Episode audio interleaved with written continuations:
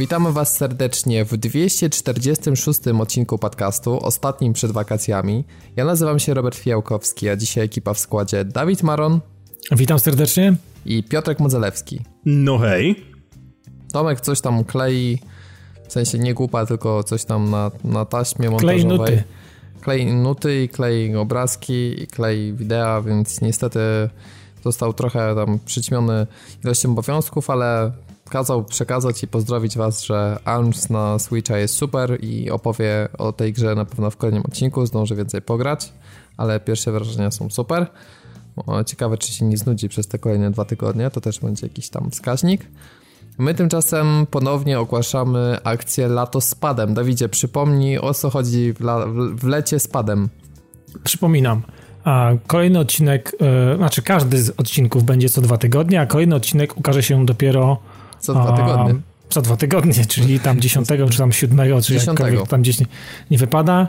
No i standardowo możecie spodziewać się, mm, tak jak było kiedyś w radio 100 lat, 100 lat temu, było lato z radiem, to ta czołówka, ta Polka fantastyczna będzie wam teraz y, przypominać o tym, że jest faktycznie okres letni, wakacyjny, urlopowy i mam nadzieję, że macie tylko same fantastyczne konotacje i wspomnienia z tym, z tym kawałkiem, więc spodziewajcie się tego od odcinka 247. O, I tak jak to zazwyczaj powiedzieć. to było, że trochę mniej struktury, trochę więcej dygresji, trochę więcej luzu, więcej piwa i ogólnie... I mniej gier. I mniej gier. Tak mniej więcej zazwyczaj prezentowało się lato z padem i myślę, że teraz będzie podobnie.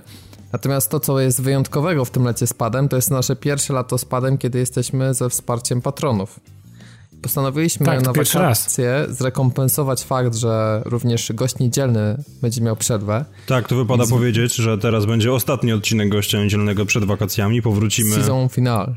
E, coś w tym stylu, ale chyba bez jakiejś takiej większej sensacji i cliffhangera, chyba że nie wiem, że skoczę no z balkonu. Nie? Piotrek, jak nie? Proszę cię, przecież...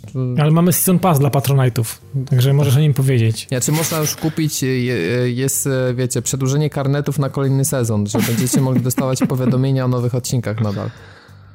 Tak jest. Musicie zaznaczyć dzwoneczek w waszej aplikacji do YouTube'a.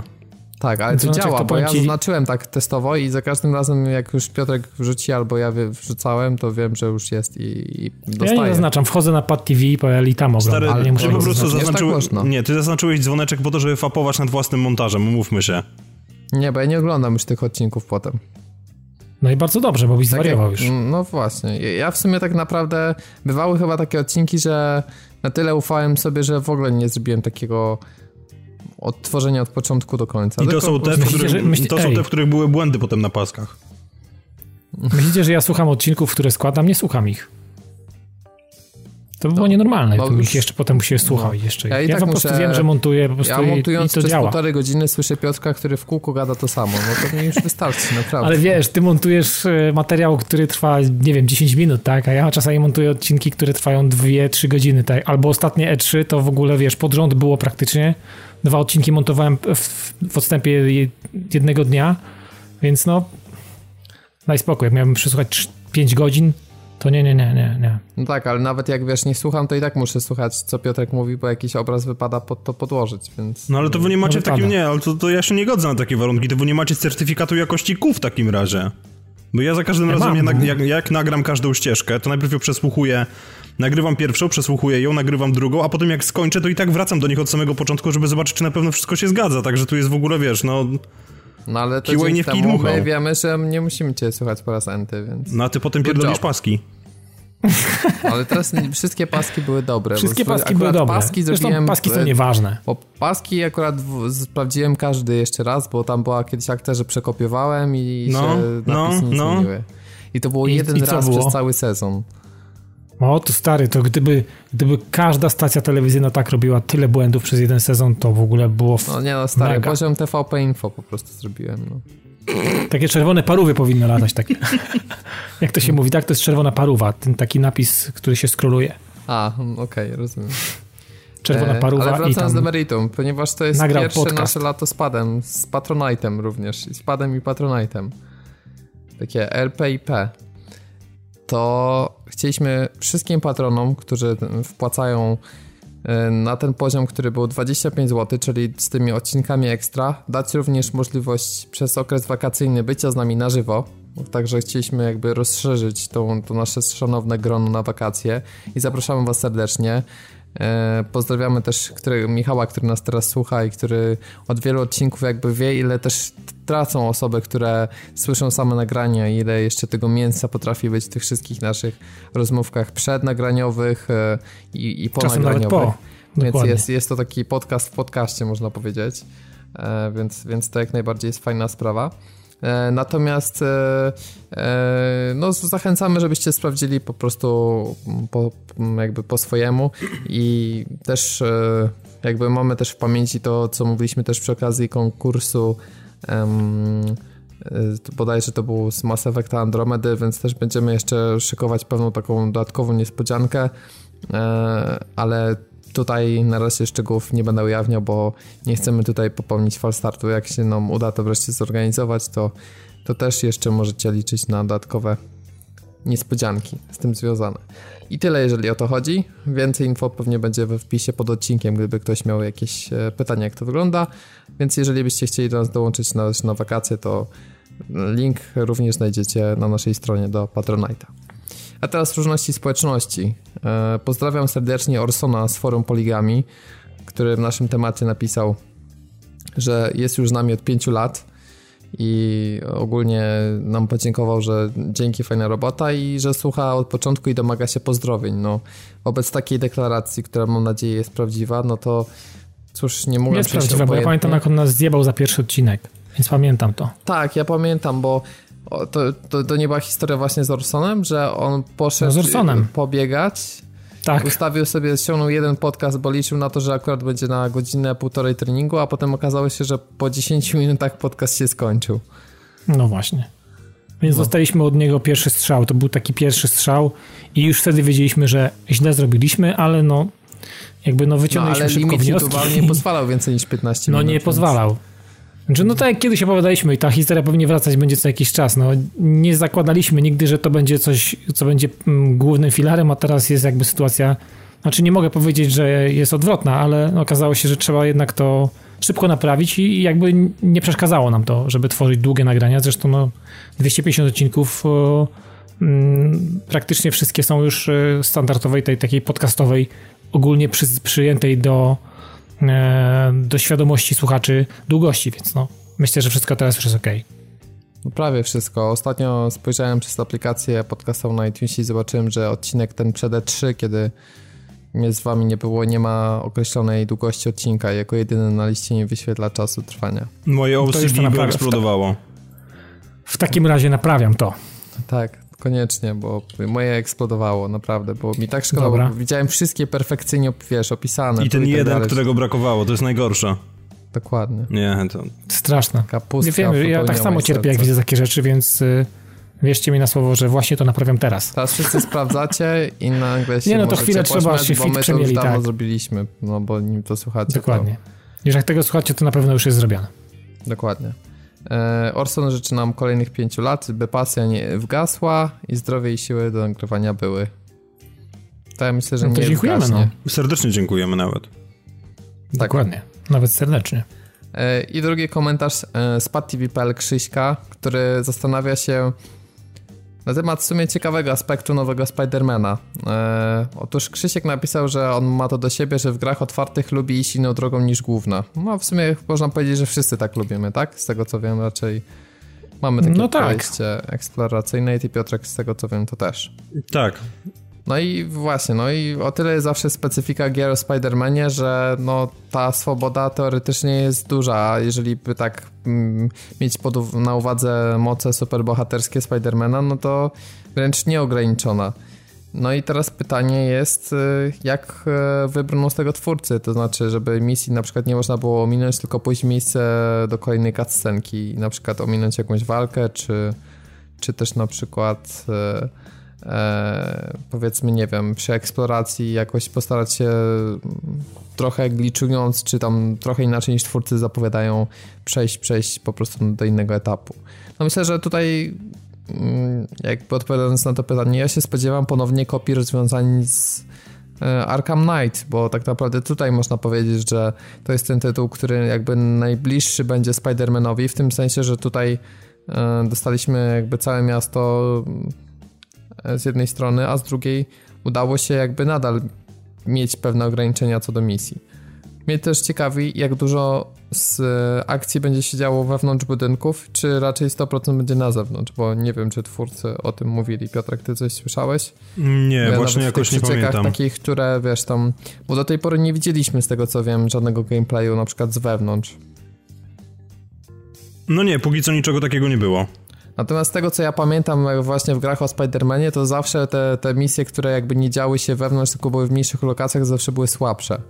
Jakby właśnie siłą Spidermana to było to, że możesz naprawdę się. No, to tak jakby Infamous. Znaczy, ja się nie dziwię, tak, że to, to, to trochę przychodzi na myśl, mimo że to nie robi tego Sucker Punch, tylko Insomniac. E, więc to jest trochę dziwne, nie? Bo jakbym. To już rozmawialiśmy kiedyś o tym, że jakby pierwsze studio, które by miało robić Spidermana i naturalnie by to przyszło do głowy, to to byłby Sucker Punch bo jednak dużo z tych patentów właśnie ograniczających misji, struktury, jak to zorganizować, to pewnie będzie też trochę podobnych do, do Infamousa. Wiesz co, w sumie byłoby fajne. Okej, okay, z jednej strony tak, jest to jak najbardziej prawdopodobne, ale z drugiej przecież no Insomniac ma masę doświadczenia, która powstała przy okazji robienia Sunset Overdrive, więc no ja jakoś specjalnie nie będę płakał, bo może przy okazji unikniemy, unikniemy takiego trochę zderzenia ze ścianą, które na, na jakimś etapie w Infamous się odbywało. No, to prawda. Infamous jakby był dobrym, ale takim rzemiosłem, mam wrażenie, i nie wybił się ponad takie coś, coś wiesz, do zapamiętania na długie lata. Mówię o tym ostatnim szczególnie, nie? No, natomiast e, no, jak wy sądzicie, Piotrek, ty najbardziej czekasz jeszcze oprócz mnie na Spidermana. Czego się spodziewasz pod kątem tego ograniczenia eksploracji? Będą takie naturalne ściany, czy raczej właśnie, wiesz, hamskie brak znacznika z możliwością zaczepienia się pańczyną i to po prostu będzie jakby ten wyznacznik. Nie mam zielonego pojęcia, jak oni to rozwiążą, prawdę powiedziawszy i jestem zainteresowany, no bo jakby nie bardzo jest w świecie Spidermana jakby taka możliwość, żeby to po prostu odgrodzić w jakiś magiczny sposób i powiedzieć spoko, tak może być, no bo no nie ma jak tego zrobić, tak? Nie, nikt nie rozpostarł magicznych barier, etc., więc no, nie wiem w sumie, jak to będzie wyglądało. Naprawdę trudno jest mi powiedzieć. No, może będzie las, w którym będą potwory, ży, potwory żywiące się po prostu człowiekiem, pająkiem czy coś.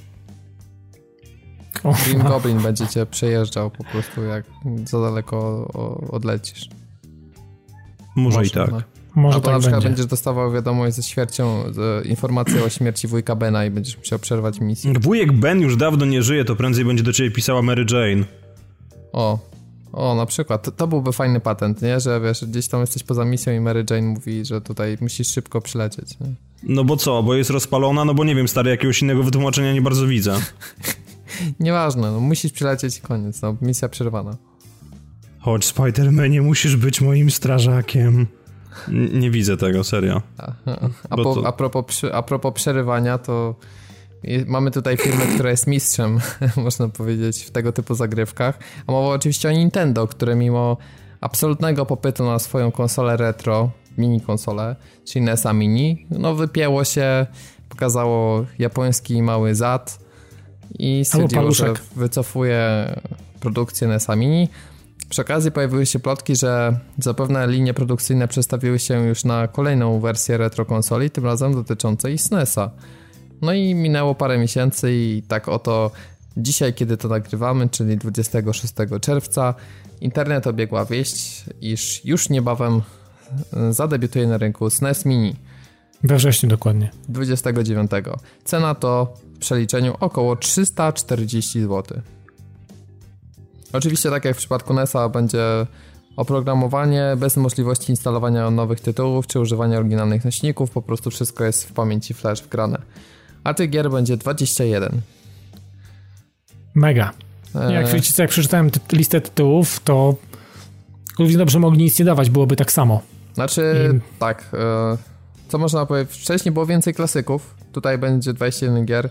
Na pewno, jeżeli ktoś na przykład chciałby Zelda Link to the Past, no to już była wersja na 3DS-a, więc to nie jest może jakiś wielki. No ale będzie Contra 3, Donkey Kong Country, Earthbound. Yy, Kirby Superstar, e, powiedzmy jeszcze co to Star Fox 2 to będzie rarytas, bo ta gra nigdy nie została oficjalnie wprowadzona na rynek, mimo że była przygotowana już praktycznie.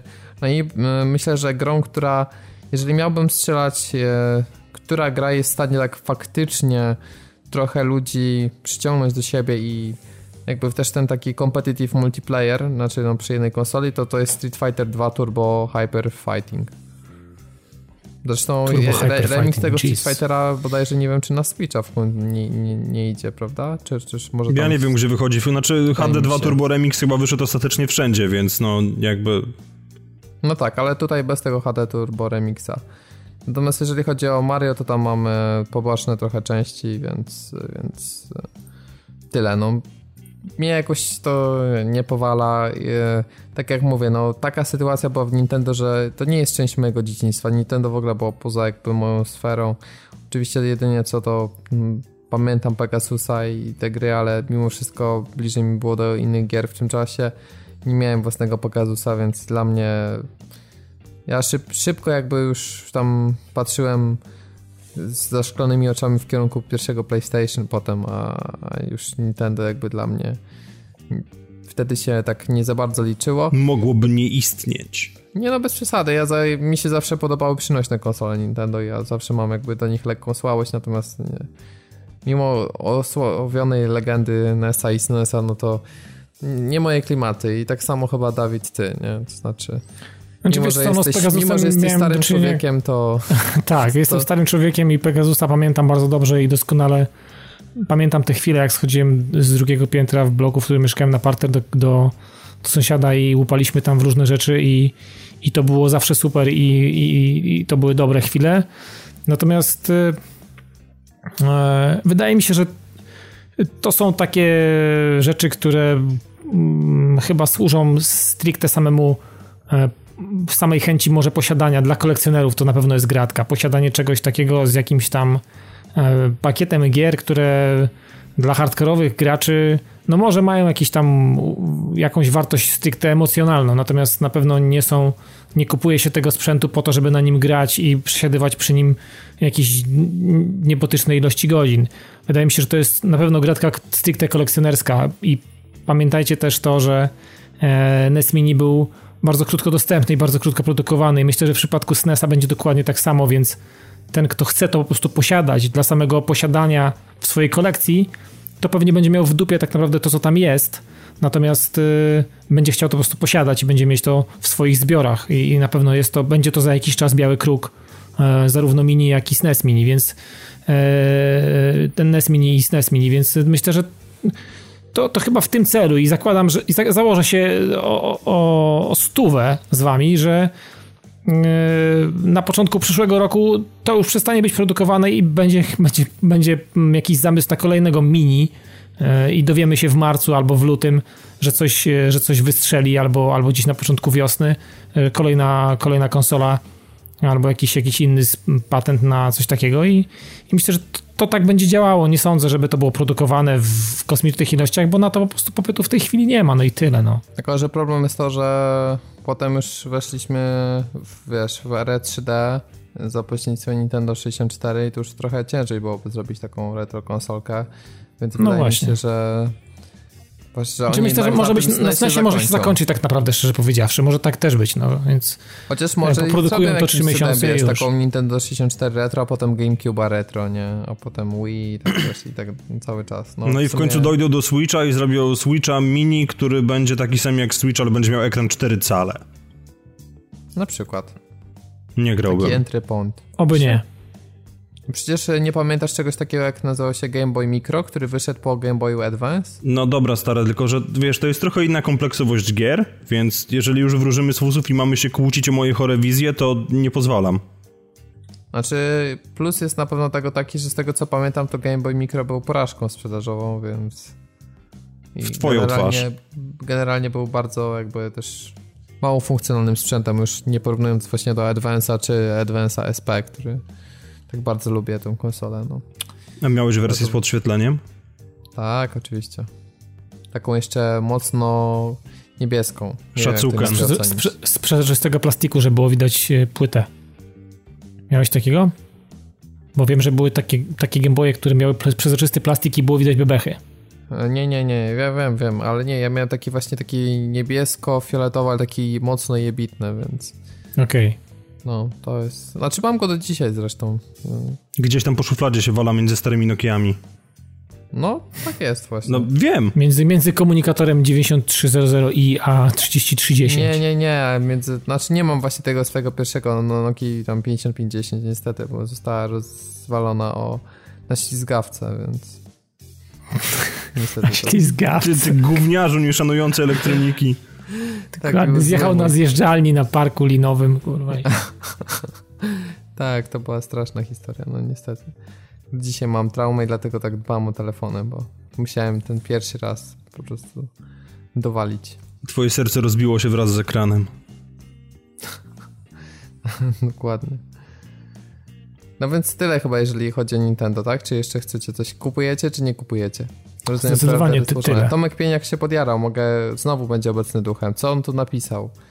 Chyba sobie sprawię. No, hmm, no to rzeczywiście wskaźnik. Na Mini ma być Star Fox 2, o którym mówiłem na poprzednim odcinku, że nigdy go nie wydali, bo bali się, że zagrozi N64. No właśnie, to czyli to jest ta gra, no właśnie, trzeba, czyli posłuchacie sobie o tej grze w poprzednim odcinku i możecie się zajarać. Wow, to jest po prostu jak podróż w czasie, Robert. Dziękujemy za takie atrakcje. I Tomek na pewno zrecenzuje ją we wrześniu, pod koniec września. Podróż w czasie chce nam też zafundować Activision, które wyda nagle teraz oddzielnie Call of Duty Modern Warfare Remastered. Zastanówmy się, jaki procent z nas jest zaskoczony? Hmm. Żaden. Mniej więcej. No dokładnie. E, znaczy zaskoczenie może być jedno, może dwa. Otóż, e, drodzy koledzy, jak sądzicie, jaki poziom cenowy w dolarach e, ustawił nasz ukochany wydawca? No wydaje mi się, że z racji tego, że Bobby Kotyk, jak wszyscy wiemy, jest łasym na pieniądze bursukiem ze świecącymi oczami, no to ja bym celował w pułap przynajmniej 50 dolarów. Ja myślę, że, myślę, że nie niżej. No, jednak niżej trochę, także słuchajcie, może... Co ty mówisz? 49. Fantastyczna promocja, 40 dolarów, ale, ale w wersji pudełkowej, która wychodzi już po premierze remastera, nie ma zamieszczonego DLC, które się pojawiło już po premierze, które kosztuje 15 dolarów. Więc czyli, czyli, czyli de facto, no. żeby mieć pełen pakiet tego, co było już kiedyś wydane, to trzeba wydać tych dolarów 55, co się składa na niemal pełną cenę gry. W nagrodę dostajemy też mikrotransakcje na niektóre bronie i, i skórki i skopany balans, bo nie mogli zostawić tej gry tak jak była, musieli tam dowalić swoje rzeczy. E, ja powiem tylko tyle, panie Kotik, i, i, ja bym pana nawet nie chciał zwalić ze skały w przepaść kurwa kijem. Szkoda kija. Szkoda kija, kurwa. Szkoda skał. Szkoda, Szkoda kalorii spalonych po prostu na zepchnięcie go. No. Ja bym chciał, żeby, żeby zwierzęta morskie się jakiś lepszym pokarmem. Jakimś innym planktonem. Dokładnie. Nie, naprawdę. Stary śledź z Tesco byłby lepszy. Polityka jest absolutnie. Znaczy, ona nie zaskakuje, natomiast nie wiem z czego ona wynika. I, znaczy, jak i, z czego wynika? Wynika z e, totalnej pazorności, ale też pewnego rodzaju krótkowzroczności, tak? Bo Activision, wiesz, jest na etapie dodawania DLC i mikrotransakcji do remastera, co jakby nie było jest e, precedentem, precedensem w branży. Natomiast reszta odchodzi od Season Passów i idzie w kierunku modelu Overwatcha, więc e, wiesz, to oni są na totalnie drugiej stronie bieguna i tego, co jest teraz standardem. No tak, to tak, tak trochę, takie, takie trochę Janusze branży. No tak. E, tak myślę, że tak za chwilę będą tam sami, tak za chwilę tam się będą I tak bawić razem. Myślę, bo jednak Call of Duty ma, co by nie mówić, sporo fanów w młodszym wieku. W sensie młodszym nie mówię koniecznie, że mają 12 lat, ale ogólnie, że są to ludzie często nastoletni albo... I nie z Europy. E, ale zobacz, no bo to też są ludzie, którzy, wiesz, pewnego rodzaju mają ograniczone budżety, szczególnie jak już się mają jeszcze zaopatrzyć w konsolę i mają do wyboru, gdzie wszyscy koledzy pewnie mają i grają w Overwatcha i w GTA Online, bo youtuberzy grają i oni cały czas dostają do tych gier darmowe dodatki.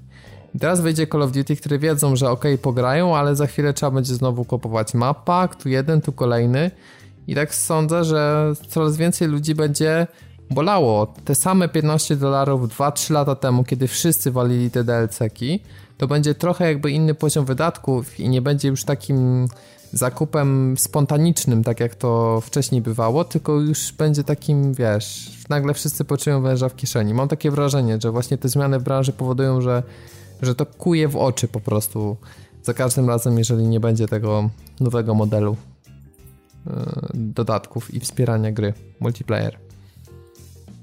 No, może tak być. Nie wiem, stary, mi się wydaje, że możesz trochę przeceniać myślenie ekonomiczne młodszych graczy, aczkolwiek możesz mieć też sporo racji. Ale słuchaj, kupili te fidget spinnery, czy co tam jest ta teraz moda i już nie będzie na DLC do Call of Duty. No, no wiesz, dlatego Microsoft rozdawał Xboxowe fidget spinnery na E3.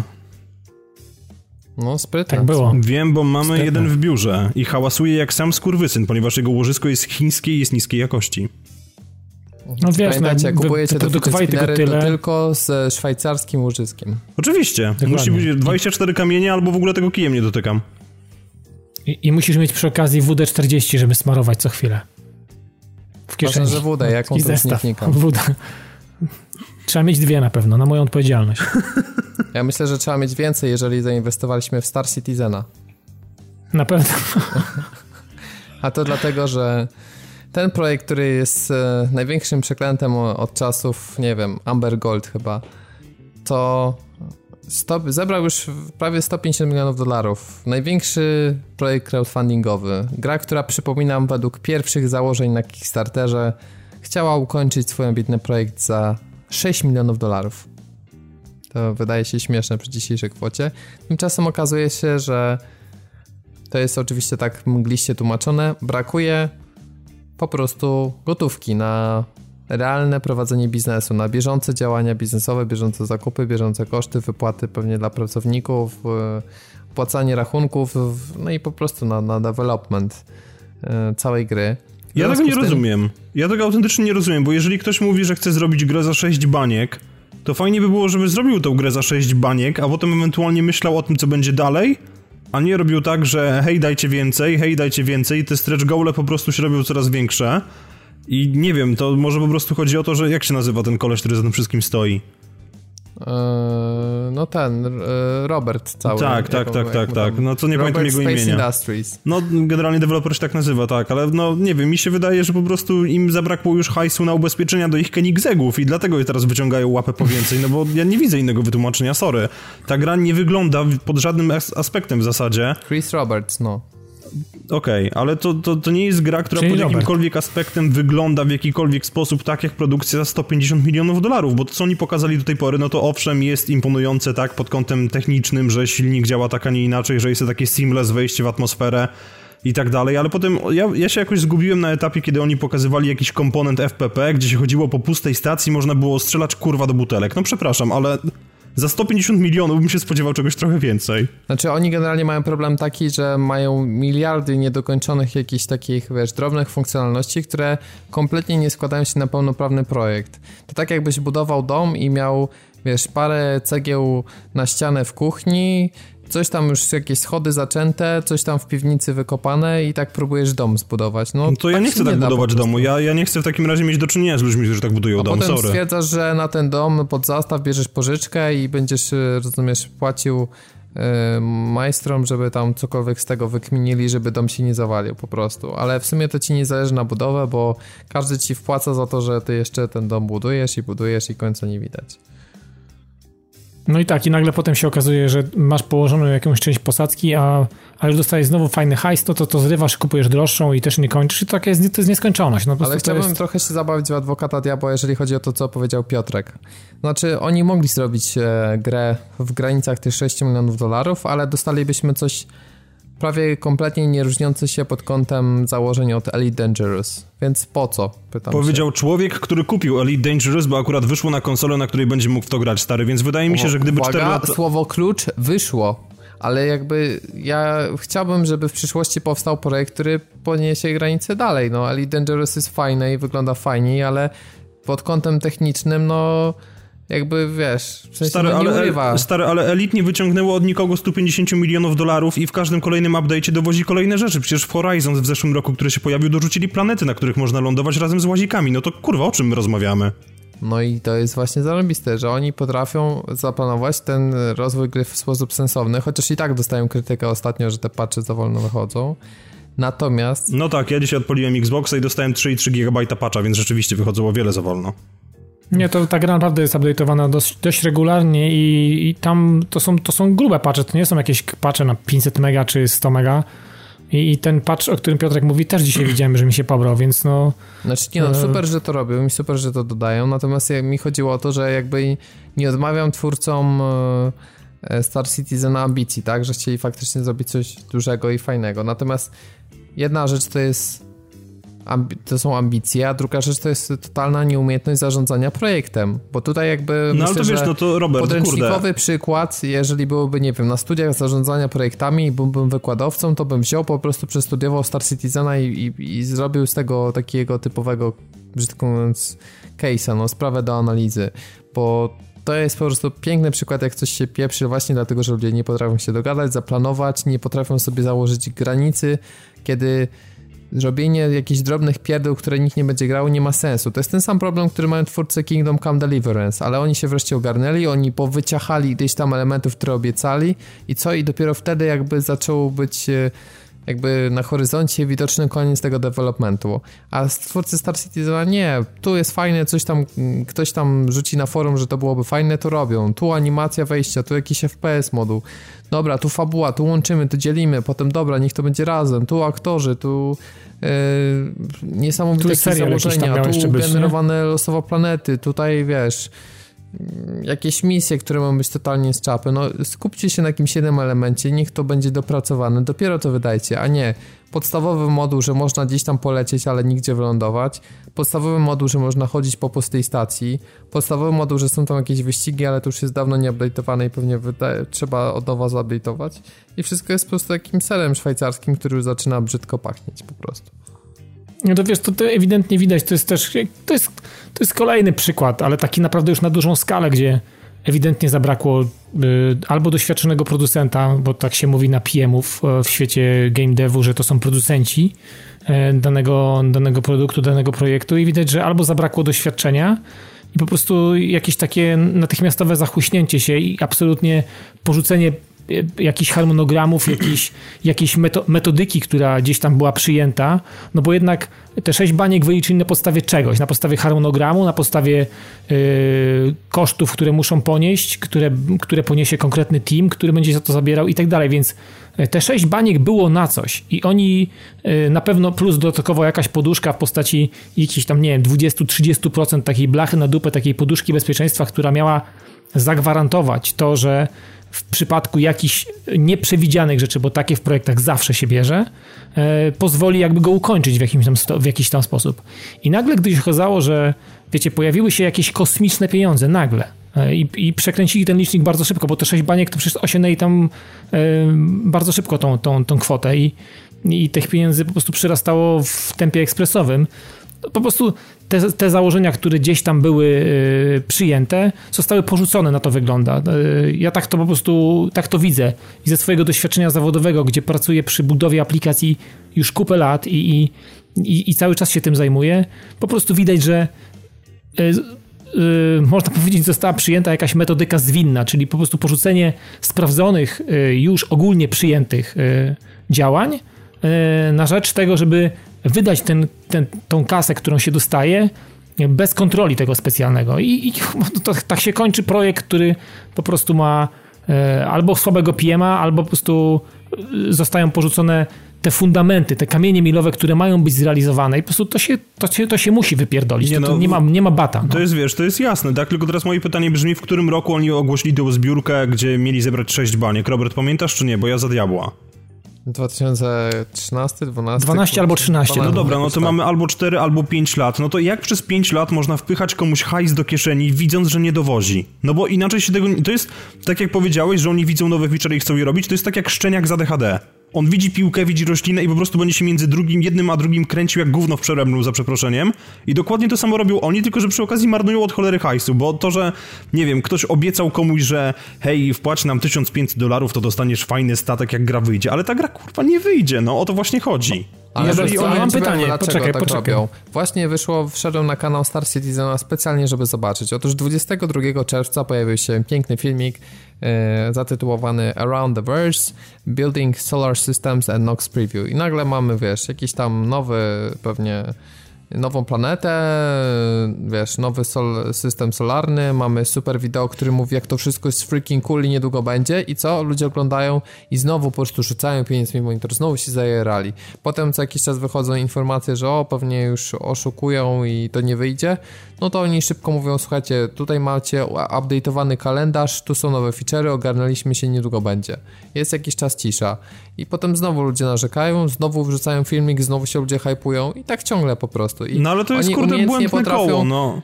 Oni tak, wiesz, reanimują ten hype, kiedy już się wydaje, że ludzie położą na tym krzyżyk, to oni potrafią znowu, wiesz, nawet premiera No Man's Sky ludzi nic nie nauczyła w tym temacie. Nic a nic. Nie wiem, dla mnie to jest po prostu... Robert, jakieś, spra jakieś sprawozdania finansowe były tego? jakaś kondycja tej, tej, tej, tej działalności, tej firmy, która, tego dewelopera, który... To... nie ma obowiązku publikowania okay, okay, sprawozdań okay. finansowych. Ale to jest po prostu dobra, no, cudowne, no, no, bo to, to jest na zasadzie takiego, takiego sprzedawcy marzeń, tylko że w przeciwieństwie do Michela Ansela, czy do, kogokolwiek, czy do kogokolwiek innego, kto nam mami, nas mami renderami, oni wzięli już hajs od ludzi. I no, sorry, ale dla mnie to jest jedna wielka porażka i nawet jeżeli to wyjdzie, to nawet olewając fakt, że nie mam wystarczająco mocnego peceta, bo musiałbym po prostu zajebać coś z NASA za przeproszeniem, to nie zagram w to, bo po prostu nie chcę. Nie chcę mieć do czynienia z ludźmi, którzy tak właśnie kantują. No sorry. To poza tym mam, mam u siebie na dysku konsoli w tej chwili e, Elite Dangerous i podejrzewam, że do czasu, kiedy Star Citizen wyjdzie, to Elite będzie miał więcej feature'ów.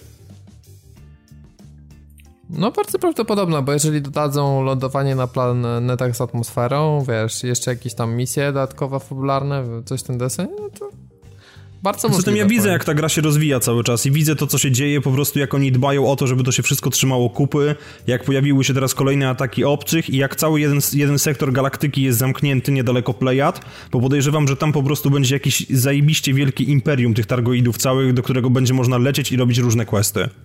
Bo autentycznie jest jeden sektor, który jest zamknięty i w ogóle nie można do niego wlecieć, bo wymagana jest nieznana przepustka i oni pewnie coś tam dłubią i naprawdę ryją porządnie. No i o to chodzi. To jest przykład projektu, który jest zarządzany sensownie, tak? To znaczy, wiesz, z jednej strony sprzedając grę Jest harmonogram, jest mapa przede wszystkim. No. E, udało im się zdobyć jakby fundusze ze sprzedaży i na przykład część poszła w zrobienie teraz wersji PS4, część wesz, poszła w zrobienie nowych feature'ów, teraz wychodzi wersja PS4, znowu ileś tam kasy dostaną, a myślę, że dużo ludzi może się na to rzucić. No i co? I będą mieli teraz kasę na to, żeby pompować nowe feature'y, więc... No tak, tylko wiesz, z drugiej strony oni, oni mają łeb na karku i mają doświadczenie, no bo przecież kurde, oni to robią od którego? 84 roku? Kiedy pierwszy Elite wyszedł? To jest szmat 83 czasu. albo czwarty, tak. No właśnie, tak. także to jest szmat czasu, więc oni wiedzą, co robią, w przeciwieństwie do tych ludzi z Robert Space Industries, którzy jak widać po prostu no, nie za bardzo mają pojęcie. Znaczy wiedzą, jak wydawać hajs, tego się im nie da odmówić, ale co dalej, to już zupełnie inna kwestia. Wiesz, no, oni niby mają doświadczenie, natomiast to, jak się, wiesz, składa faktycznie, wiesz, teraz to studio... Robert, no to... co oni zrobili do tej pory? Znaczy, no, oni nic, nie? No to jak mają doświadczenie? Znaczy, no chodzi mi o to, że Chris Roberts robił przez całe swoje życie Wing Commandery, tak? E, więc jakby, wiesz, on generalnie mm, jakby... Znaczy mógł robić tak przestał tak robić, Przestał robić gry gdzieś na, po, na początku XXI wieku i, i powrócił ze Star Citizenem, nie? No to świetnie Natomiast... mu wyszło, podejrzewam, że HT ma taką, że mucha nie siada. No tak, no, on miał, wiesz, on miał swoje złote lata w latach 90., kiedy trzepał te Wing Commandery prawie rok rocznie, nie? A potem już słuch o nim zaginął w sumie. Tak patrzę, przypomniałem sobie to Freelancer, jego original concept w sumie tutaj było, ale to też jakiś space trading game, no on zawsze w tematach kosmosu się poruszał, ale Freelancer? rzecz to w latach 90 ale no z całym wiesz, szacunkiem to, to skomplikowanie projektów growych było jednak na trochę innym poziomie niż jest taki Star Citizen, prawda? Ale wiesz, Freelancer i Starlancer to były bardzo dobre gry. Nie wiem, czy on też odpowiadał za Starlancera, ale Freelancer to po prostu była fantastyczna gra. Tak, on koncept. Wydawana przez Microsoft zresztą. Tak, tak. No, to jest ostatnia gra, więc znaczy, no, więc ja nie powiesz, no to nie jest amator w żaden sposób, Piotr, to, tak tego nie odbierz, no, ale jedna nie, no, amatorem mówię, to... nazwać go nie można, natomiast y, nie wiem skąd, skąd mu przyszło do łba, żeby poprowadzić ten projekt w taki, a nie inny sposób, jeżeli jest takim wyjadaczem. Być może uwierzył za bardzo we własne siły, tak mi to wygląda. Po prostu. Okej. Okay. A przy okazji stwierdził, że zrobi piramidę finansową, taki bonusik. Taki Amber Gold. growy. Taki space, wiesz. Ten out of ten. Space Gold. Dokładnie. No, 10 na 10 na pewno nie dostanie najnowsze DLC do Diablo 3, bo cena jest spora, nie ma nowego kontentu. Do Dawida dostanie. Tak, pojawi się wreszcie pakiet nekromantów, tak to jest oficjalnie nazwane w wersji polskiej. W rozszerzeniu poza nekromantą znajdzie się zwierzak, para ozdobnych skrzydeł, sztandar, symbol i akcent inspirowany nekromantami. Ja nie wiem, stary, ja tutaj czuję po prostu jakiś taki powiew zbroi dla konia. Lista nie kończy się tutaj, bo będzie jeszcze, cytując tutaj za naszym rodzimym Eurogamerem, ramka portretu, proporzec oraz dwa dodatkowe miejsca na postacie i dwa dodatkowe zakładki w skrytce. Całość 15 euro. No tak, ale to wiesz, mówisz o, o jakby o samej, o, samej, o samej postaci nekromanty, e, jego wszystkich tych bajerach, czyli e, setach i tak dalej, natomiast e, trzeba też jedną rzecz podkreślić, że to się automatycznie też zbiega z patchem 2.6.0, który wprowadza kolejne dwie lokalizacje i, i standardowo, jak to w każdym takim dużym patche, patchu, e, masa jakichś tam ulepszeń, więc no Moim zdaniem wiadomo, mogli no, już wprowadzić mikrotransakcje do tego Diablo, bo, e, bo, nie ma chyba. Można powiedzieć, że nie ma, tak? Nie ma i nie będzie. Właśnie, Mam nadzieję, ja bym wolał, żeby były nawet, ale po co? Skórki? Po to, żeby patch z Necromanto był tak jak w Overwatchu patche za free. Bo tutaj Blizzard trochę zaprzecza sam sobie. Z jednej strony w Overwatchu zmienia branżę i idzie w zupełnie innym kierunku, a z drugiej strony do kilkuletniej gry teraz proponuje patcha z jedną postacią za 15 euro. Ale nie wiesz, czy na przykład Overwatch za 5 lat bycia na rynku nie będzie miał podobnych rzeczy. Już teraz mówi się w Overwatchu o złotych skrzyniach, o skrzyniach jeszcze jakichś innych, gdzie będzie można pompować tam po prostu to przez y, prawdziwą walutę. Więc póki, póki co na razie Blizzard zbiera e, społeczność, zbiera ludzi, którzy będą w posiadaniu tej gry i nie wiadomo, czy za 3 lata, za 2 lata nie będzie się, nie pojawi się w Overwatchu coś takiego, co będzie też kosztowało żywą gotówkę. Póki co na razie Blizzard zaprzecza temu wszystkiemu. Przez pierwszy rok zaprzeczał, zaprzeczał regularnie, że żadna mapa nie będzie płatna, żaden bohater nie będzie płatny i wszystko, co będzie wychodziło do gry, będzie w ramach e, mm, ceny, którą się wydało kupując grę w sklepie. Natomiast ja nie jestem 100% przekonany, że Blizzard z Overwatchem nie pójdzie e, tą ścieżką. Natomiast jedną rzecz trzeba powiedzieć jeszcze przy okazji Overwatcha, że Overwatch i team e, Jeffa Kaplana zaczyna kombinować e, z Faceitem, czyli e, z ludźmi od poważnych lig i rozgrywek ligowych. Więc może się okazać, że pieniądze, które trzeba będzie wydać w Overwatchu, pojawią się szybciej niż nam się, niż nam się wydaje na pewno szybciej niż, niż pojawiły się w przypadku Diablo 3. Trzeba jedną rzecz po powiedzieć też w przypadku Diablo, na obronę Diablo w sumie w tym przypadku, że Diablo wyszło 2012 roku i, i, i, modele biznesowe i założenia w przypadku Diablo były zupełnie inne niż teraz e, w produkcjach blizzardowskich, więc e, ja bym tego tak nie łączył. Myślę, wydaje mi się, że przejście na model overwatchowy w przypadku Diablo 3 jest absolutnie niemożliwe. E, ta, ta gra tak naprawdę e, na chwilę obecną i, i jej cykl zmian i cykl, który towarzyszy jej udostępnianiu nowych jakichś tam zawartości czy nowych bajerów jest taki, a nie inny. Jakby e, wiecie, co cały czas dziwi e, ta dziwna nagonka e, na Blizzarda w przypadku, w przypadku Diablo, Diablo 3. Chcieli, chci, ludzie czegoś zawsze chcą i ludzie, ludzie o wszystko stękają i, i, i, to, i to się zbiega z każdą informacją. Po prostu mam wrażenie, że społeczność Diablo jest, jest już tak toksyczna, jest już tak zepsuta, a mimo wszystko grają w to wszystko i na wszystko cały czas stękają, e, że absolutnie nie mieści mi się to, to totalnie w głowie. E, natomiast pamiętajcie, w, pamiętacie, w styczniu był ten event taki na rocznicę Diablo, 20 Był. urodziny marki i tak dalej. I co się okazuje? Jakiś kurwa, jakiś, jakiś promil tylko e, skończył to. W tym promilu byłem między innymi ja. Ale ja nigdy na, na, na, Diablo 3 nie mówiłem, że to jest taka, a nie inna koślawa gra, e, dupiata produkcja z gównianą paletą kolorów i tak dalej.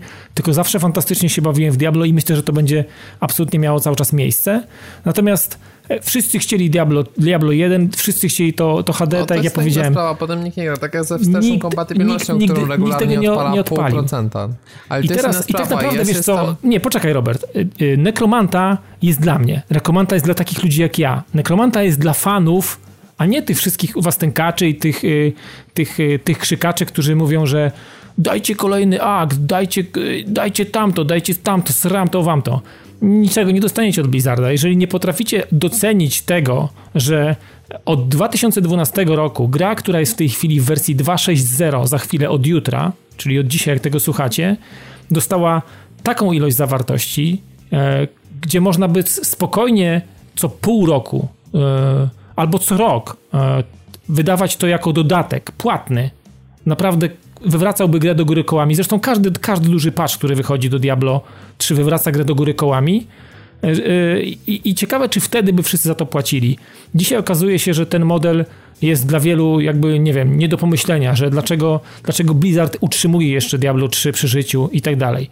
No ale właśnie po to, że, że, że ma ogromne rzesze fanów i, i widzi, ile ludzi w to gra. Wprowadzenie sezonów do Diablo 3 na konsolach to jest to jest mój sen, który się ziścił od 2012 roku, kiedy Diablo 3 pojawiło się. Potem się w końcu pojawił na konsolach, co w ogóle było też jakby zaprzeczeniem pewnych test i pewnego podejścia Blizzarda w przypadku do, do konsol, do świata konsol, bo Blizzard nie robił gier na konsole.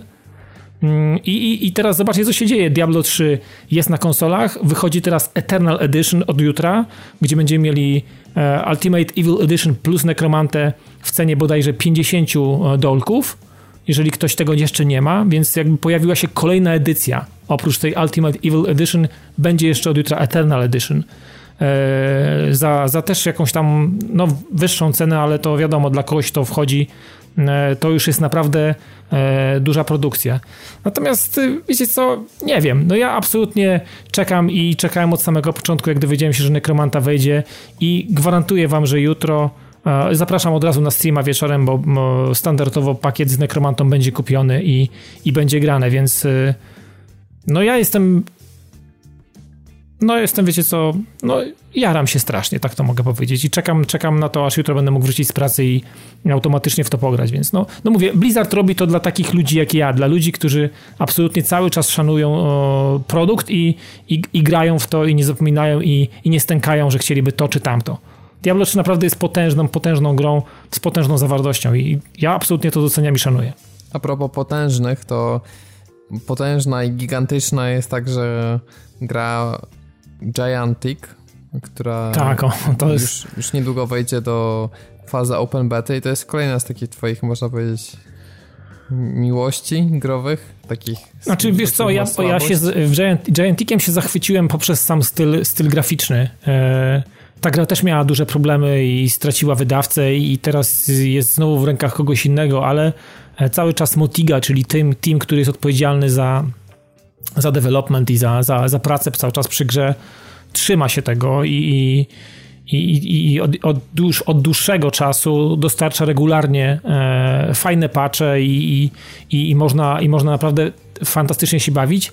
I całkiem niedawno, bo jakiś tydzień temu wyszedł taki patch, który można powiedzieć, zbliża, zbliża produkcję już do, do tej fazy finalnej, do, tego, do tej fazy u, ukończenia. 20 lipca mm, pojawi się możliwość grania przez wszystkich. E, będzie to wersja otwartej bety i myślę, że mm, e, jeszcze, jeszcze w sierpniu, może we wrześniu dowiemy się, mam nadzieję, że może szybciej, dowiemy się, e, że gra a, e, trafi jakby na półki stepowe i będzie, a, e, będzie dostępna w tej wersji finalnej. Natomiast to trzeba powiedzieć na chwilę obecną. Od, od jakiegoś czasu też w Gianticu jest dostępny taki Founder Pack, czyli dla ludzi, którzy. Przepraszam, to nie jest chcą... Gigantic czasami? Tak. Gigantic. A sorry, bo ja powiedziałem Giantic, tak. Tak właśnie się zastanawiam, czy, czy ja o czymś nie wiem? Nie, Gigantic, co, no, gdzieś to i... była w newsie wcześniej, jak ja czytałem literówka i ktoś je tak po prostu przeczytałem i tak Dawid dalej... W każdym razie... Ale w każdym... miejsce jest spisane poprawnie, Robercie. No i widzisz, no i tak. No, ale wróćmy do, do, wróćmy do, do, do, do, tematu. Do tematu. Gigantic, tak. Cudownie. Gigantic. Może tak, to będzie prościej. No. Przepraszam, na, ma, na jakie platformy ma fajną ściankę, no tylko Xbox, na... Xbox One i, i, i PC. I Xbox okay. Windows. To jest, to jest ekskluzyw Microsoftowy, o tak to można powiedzieć. Nie konsolowy, ale Microsoftowy, więc... Y, to jest to um, Microsoft Xbox One X Console Exclusive. Coś takiego. W każdym razie, no, gra w tej chwili mm, oferuje właśnie ten zakup tego Founder Packa i tam dostajemy automatycznie odblokowane wszystkie, wszystkie postacie i, i to, to jest trochę enigmatycznie napisane, ale mam wrażenie, że wydanie tej stówy teraz, w tej fazie bety, gwarantuje nam już teraz e, kilka jakichś tam skórek, odblokowane wszystkie postacie, bo te postaci tutaj kosztują. Tu trzeba powiedzieć, że tu jest bardzo dużo, dużo związanego mm, z taką typową mechaniką mobową. Zresztą gadaliśmy o tej grze już wielokrotnie, więc jeżeli ktoś chciałby sobie gdzieś tam posłuchać o tym, to, to poszukajcie sobie odcinki gdzieś tam, gdzie to jest tam poruszane.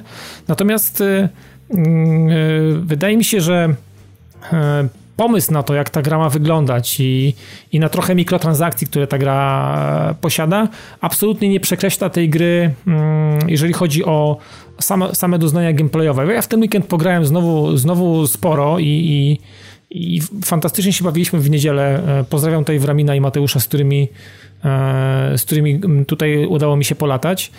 I ta gra w tej chwili, wiecie, prezentuje się fantastycznie. E, rozgrywka już jest, już jest naprawdę mega płynna. Masa rzeczy zostało poprawionych w postaci chociażby od, od tej strony takiej audiowizualnej. Wiecie, ta gra już naprawdę jest, jest piękna. Zresztą to mnie przyciągnęło do tej, do tej produkcji. Więc pojawił się też już, pojawiły się też automatycznie, wpadają już trofea w tej grze, więc można powiedzieć, że ta gra jest praktycznie na ukończeniu. Zostały jakieś tam drobiazgi, jakieś, jakieś drobne optymalizacje, które gdzieś tam mogą jeszcze, jeszcze w grze wychodzić. Natomiast ku, ku mojemu zaskoczeniu mm, bardzo szybko, bardzo dobrze działa matchmaking i bardzo szybko wyszukuje mecze. Mimo, że jest to zamknięta beta, to bardzo, bardzo szybko i bardzo szybko, e, bardzo, bardzo, bardzo łatwo wejść e, do meczu i jakby nie, nie czeka się. Czasami mam wrażenie, że w Overwatchu czeka się dłużej przy tak dużej bazie yy, graczy czeka się dłużej niż, yy, niż w Giantiku.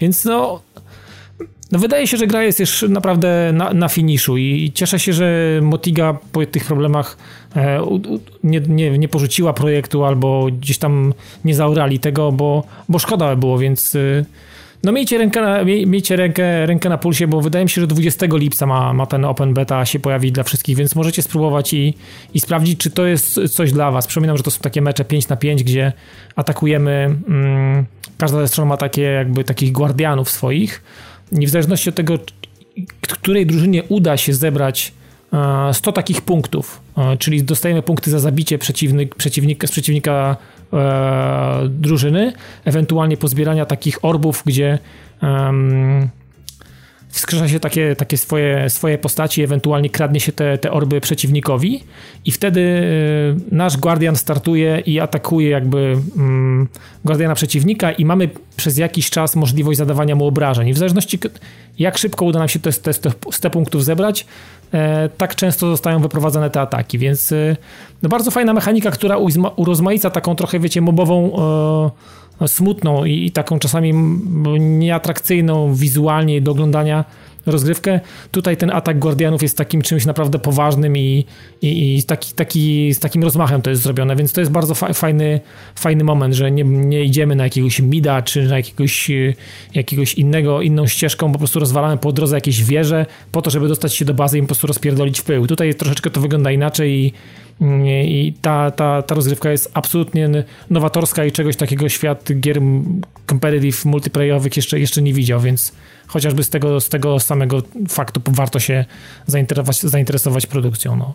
Także tyle. No ja czekam i, i, cały czas kibicowałem też i mam nadzieję, że w końcu to dowiozą i będzie można grać z, z większą grupą znajomych.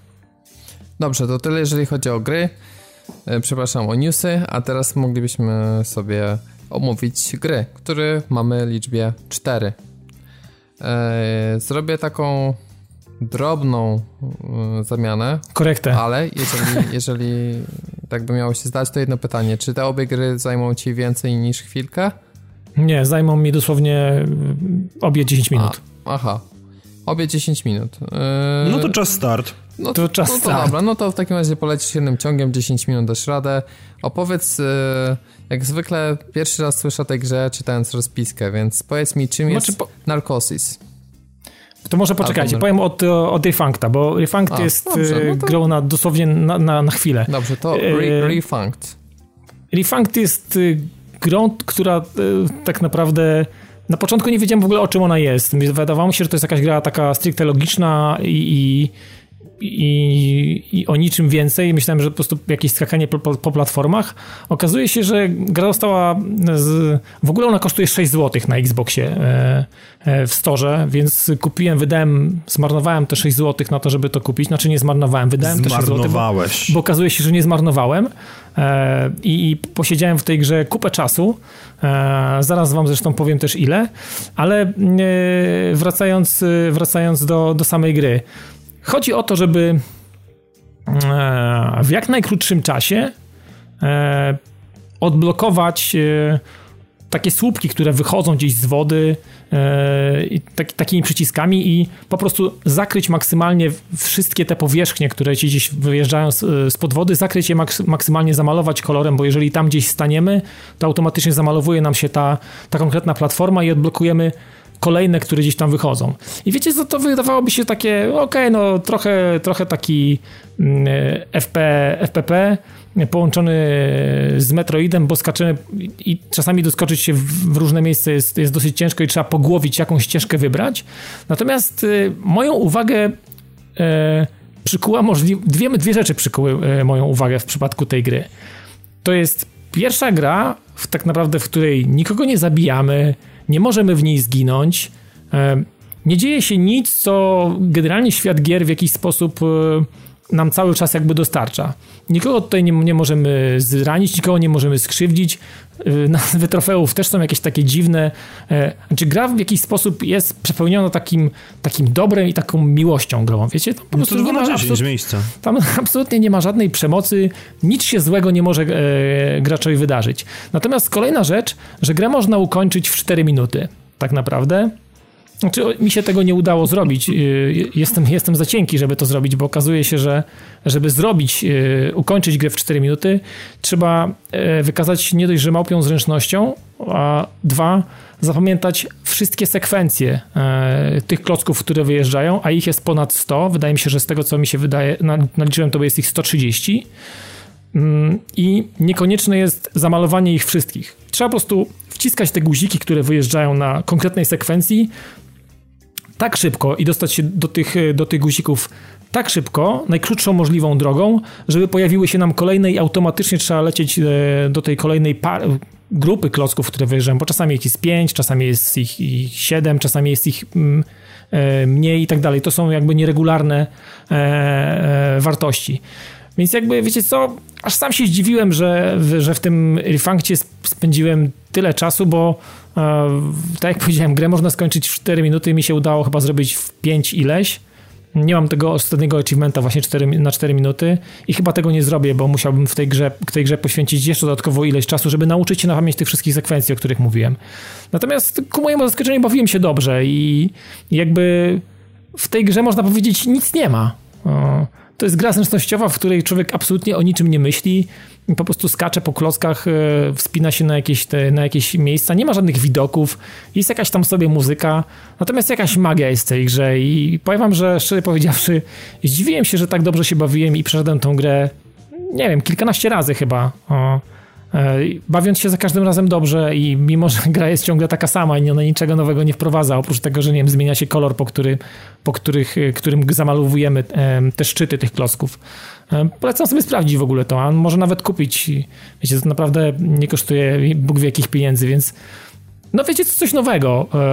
Pamiętam taka była gra o klockach Thomas Was Alone. To też było bardzo fajne doświadczenie i myślę, że Funk też jest właśnie tego typu doświadczenie. Może nie takim e, głębokim i z, taką, z taką fajną fabułą, jak była w Thomasu Zelon, bo Thomas Zelon miał bardzo fajnego lektora i ta fabuła tych klocków e, też była fantastyczna i, i, i, to naprawdę bardzo fajnie się grało. Natomiast to jest kolejny przykład e, ciekawego, ciekawego podejścia do, do gry wideo, do rozrywki e, jako tako stricte i okazuje się, że też można się dobrze bawić w czymś takim. A jeżeli chodzi o Narcosis, e, ja o tej grze słyszałem już e, jakiś czas temu. E, to była gra, która mm, to też jest FPP mm, i to było pod VR bardzo mocno zalecane. Natomiast okazało się, że mm, doświadczenia, doświadczenia VR-owe w tej grze powodowały u wielu próbujących efekty jakieś dziwne, uboczne, więc no, co wcale mnie nie dziwi.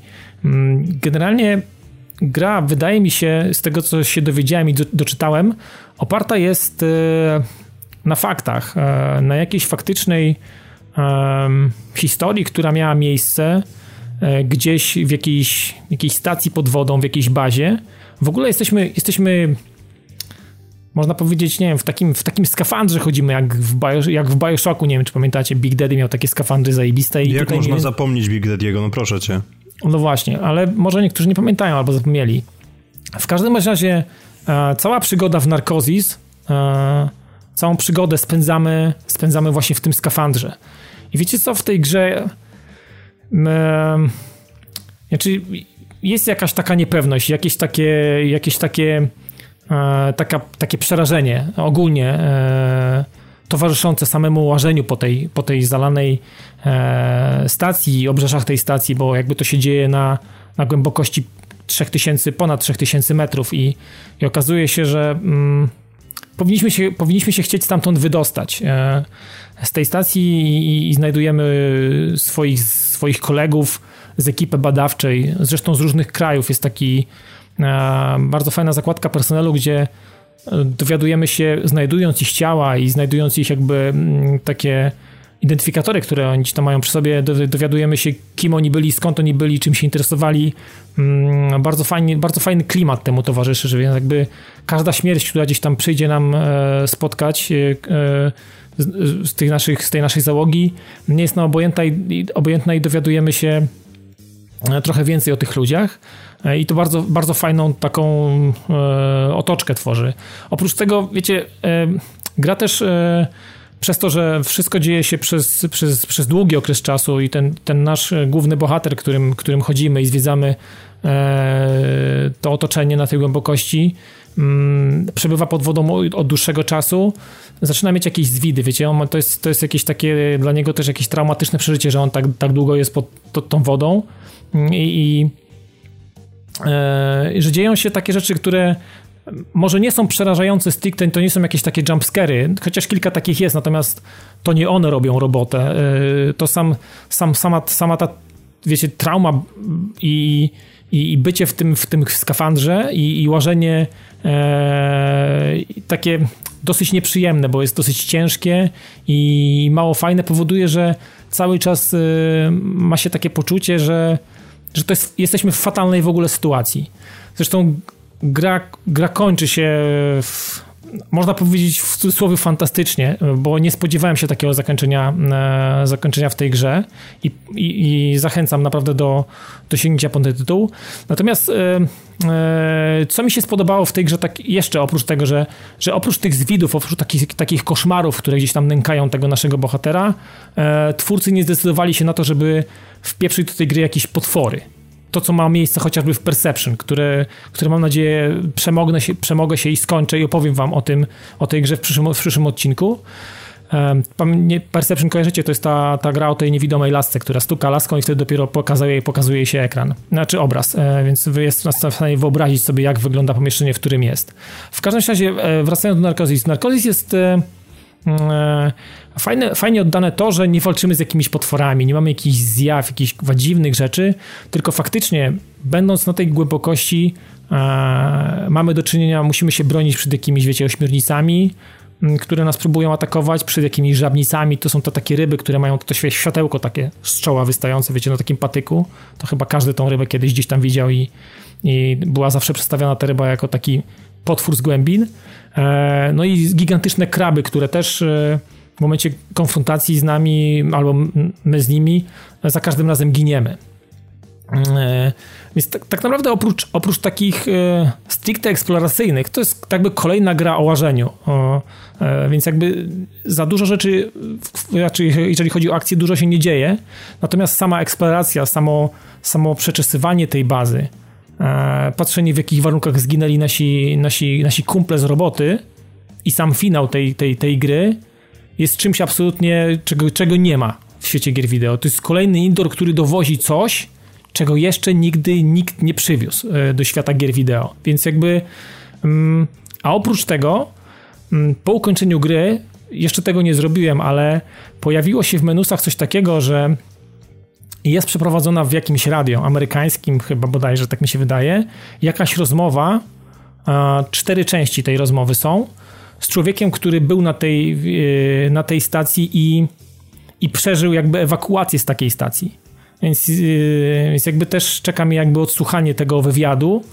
E, nie chcę za bardzo mówić, dlaczego ten wywiad został z nim przeprowadzony i, i co się wydarzyło, bo jakby jest to powiązane bardzo mocno z tym, co robimy w trakcie gry.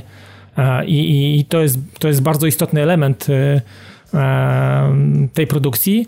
Natomiast no wiecie, z racji tego, że to jest ta, ta, ta, ta głębokość, to jest ta, ta przestrzeń pod wodą, tam gdzie ludzie praktycznie nie funkcjonują, jest to przez to samo, samo, samo z siebie jest po prostu mega przerażające i, i, i jakby trzyma w napięciu, a nie przez jakieś walki, przez jakieś cuda i tak dalej, więc no, no no ciekawa produkcja według mnie, ciekawa produkcja i, i powiem wam, że z, z miłą chęcią wbiłem tam e, tysiąc gamescora w tej, w, tej gry, tej, w tej grze, bo chciałem absolutnie pozbierać tam wszystko, co jest do pozbierania i, i odkryć maksymalnie, co, co zostało przez twórców wymyślone i, i, i absolutnie nie żałuję tego, także no nie spodziewałem się, że to jest kolejny taki indyk, który w jakiś sposób mnie, wiecie, tam gdzieś wciągnął i, i, i pokazał, że można jednak y, coś świeżego znowu gdzieś, gdzieś wepchnąć tak naprawdę wydawało się no, grą w stacji pod wodą. No, taka, taka, taka normalna rzecz wydaje się, ale jednak jak jest dobrze, dobrze, dobrze to zrobione, dobrze napisane, jest bardzo fajny narrator, który to,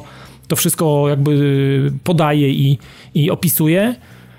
E, I jakby nasz taki dialog, e, dialog w postaci takiego właśnie wywiadu, który jest przedstawiany w, w trakcie, w trakcie naszej, naszej gry, więc no no to jest super zrobione przede wszystkim, ale od strony technicznej no, gra żadnym jakimś takim, wiecie, Rocket Science nie jest. To, to, to nie jest gra, która ma wyglądać i być piękna i, no jasne, i tak dalej. Natomiast ona ma, siebie, ona ma nie... tak, ona ma pomysł i ona ma, o, o, ty masz czegoś tam doświadczyć i naprawdę w tej grze doświadcza się kilku naprawdę super, takich naprawdę solidnych momentów, który w których no, myślę, że żaden zdrowy y, myślący człowiek nie chciałby się znaleźć, więc no, to, jest, to jest jakby warte, warte sprawdzenia i, i przetestowania. Natomiast ta gra, sama gra stricte nie jest y, długa. Tę grę można skończyć poniżej dwóch godzin, więc, y, więc jakby to też krótka produkcja. Natomiast warta, warto na pewno zainteresowania się. I tyle, no ja polecam generalnie, jest łapka w górę znowu. No a myślę, że łapka w górę, jeżeli chodzi o naszą kolejną grę, również wystąpi. A łapka w górę będzie od Piotrka, który od już jakiegoś czasu, kilku tygodni już chyba można powiedzieć, chociaż może dwóch tak, tygodni. Tak, tak, można tak powiedzieć. Nie, czy nie, no to jest ponad dwa tygodnie, tak, ale póki co no, no mieliśmy po drodze kilka, trzy. Kilka, nie, do dziewięć i te sprawy. Nie bardzo było jak o tym powiedzieć po prostu. Dokładnie, ale spędziłeś już tam trochę miłych godzin, trzeba powiedzieć. Tak, trochę miłych godzin, trochę frustrujących godzin i trochę godzin, które są gdzieś po środku. No tak, ale mm, rozumiem, że polujesz na złote pucharki, wykręcanie czasów i tak dalej. Poluję na złote pucharki, niestety. Bidziko. Jest chyba... taki pucharek Bidziko? Wiesz co, nie wiem, nie czytałem listy pucharków. No to jest ten pucharek, gdzie trzeba na Analfa Pass bodajże zrobić ileś tam sekund. Uuu, to chyba wiem, co dzisiaj w nocy będę robił. No, no. myślę, że nie zrobisz tego. No, ja też podejrzewam, że tego nie zrobię, że po prostu podejdę Raz, ja bardzo kocham an, Analfa, Analfa Pass jest świetnym torem. Jest chyba jeden z moich ulubionych torów w ogóle. Eee, Zone na Analfa Pass jest genialny. Zresztą tak. Zone wszędzie jest genialny. Zone jest każdy genialny, ale Analfa Pass e, w tej wersji takiej standardowej, nie odwróconej, tylko tej właśnie pierwszej, takiej prostej, to jest jeden z moich ulubionych torów i pamiętam każdy zakręt tam. Na zasadzie pamięci, pamięci mięśniowej, ale dobra, może tak w zasadzie powiedzmy, że chodzi o Wipeouta e, Omega Collection. Nie wiem, czy tam jest HD gdzieś po środku, czy nie, ale... Nie, chyba nie. nie, żadne HD, co ty gadasz? Jak, chyba, dokładnie, HD to przeszłość, to jest, tam, to, to jest PS3. 4K stabilne jak skała. No tak i nie. To, to znaczy, sam mówiłeś, pamiętam, że to jest jakiś tam frame no tak, buffer, tylko, ale trzeba... frame buffer nie schodzi poniżej natywnego 4K. No tak, ale trzeba umieć to włączyć, bo w momencie, kiedy masz włączony motion blur, tak jak jest domyślnie, to gra jest renderowana w 1800p i podbijana do 4K. A ty rozumiem, zrobiłeś motion blur ja, off i ja, masz ja 4K na Full HD i jesteś, rozumiesz, haker, nie jesteś ziemi. Oczywiście, nie, ale autentycznie, jeżeli macie tę grę, to zróbcie to z tego względu, że ten motion blur jest absolutnie okropny. On jest obrzydliwy. To Bo jest, on to jest, jest e, object-based czy camera-based? Nie, camera-based. Okay. On, on jest camera-based, także no, nie wygląda on najlepiej na świecie i, i naprawdę psuje efekt, bo jakby wiecie, przy prędkościach, które są w Wipeoutie, to fakt, że macie telewizor mm, oparty o technologię LCD powoduje, że on i tak będzie rozmazany, więc jakby nie ma, nie ma to większego znaczenia, że ten motion blur, e, sprzęt ten cyfrowy jest wyłączony. Także polecam po, po to wyłączyć, bo wtedy obraz no, jest renderowany po prostu w pełnym 4K w 2160p i nawet na telewizorze 1080p to ryje banie, no. no trzeba powiedzieć, że to jest, to, to może być strasznie nieefektywna, ale jest to jednocześnie genialna metoda antyaliasingu, bo po prostu no, możecie szukać zamków, ale ich po prostu nie znajdziecie. No to dobrze. Nie, no bardzo dobrze. Nawet doskonale bym powiedział. A natomiast sama gra, no, nie ma za bardzo się tutaj szczypać, no bo jakby nie ma ucieczki od faktu, że jest to po prostu remaster tego, co mieliśmy na Vicie i co mieliśmy na PS3. Bo jest to kolekcja, w skład której wchodzi um, o Boże, Wipeout HD, Wipeout HD Fury i Wipeout 2048 z Vity.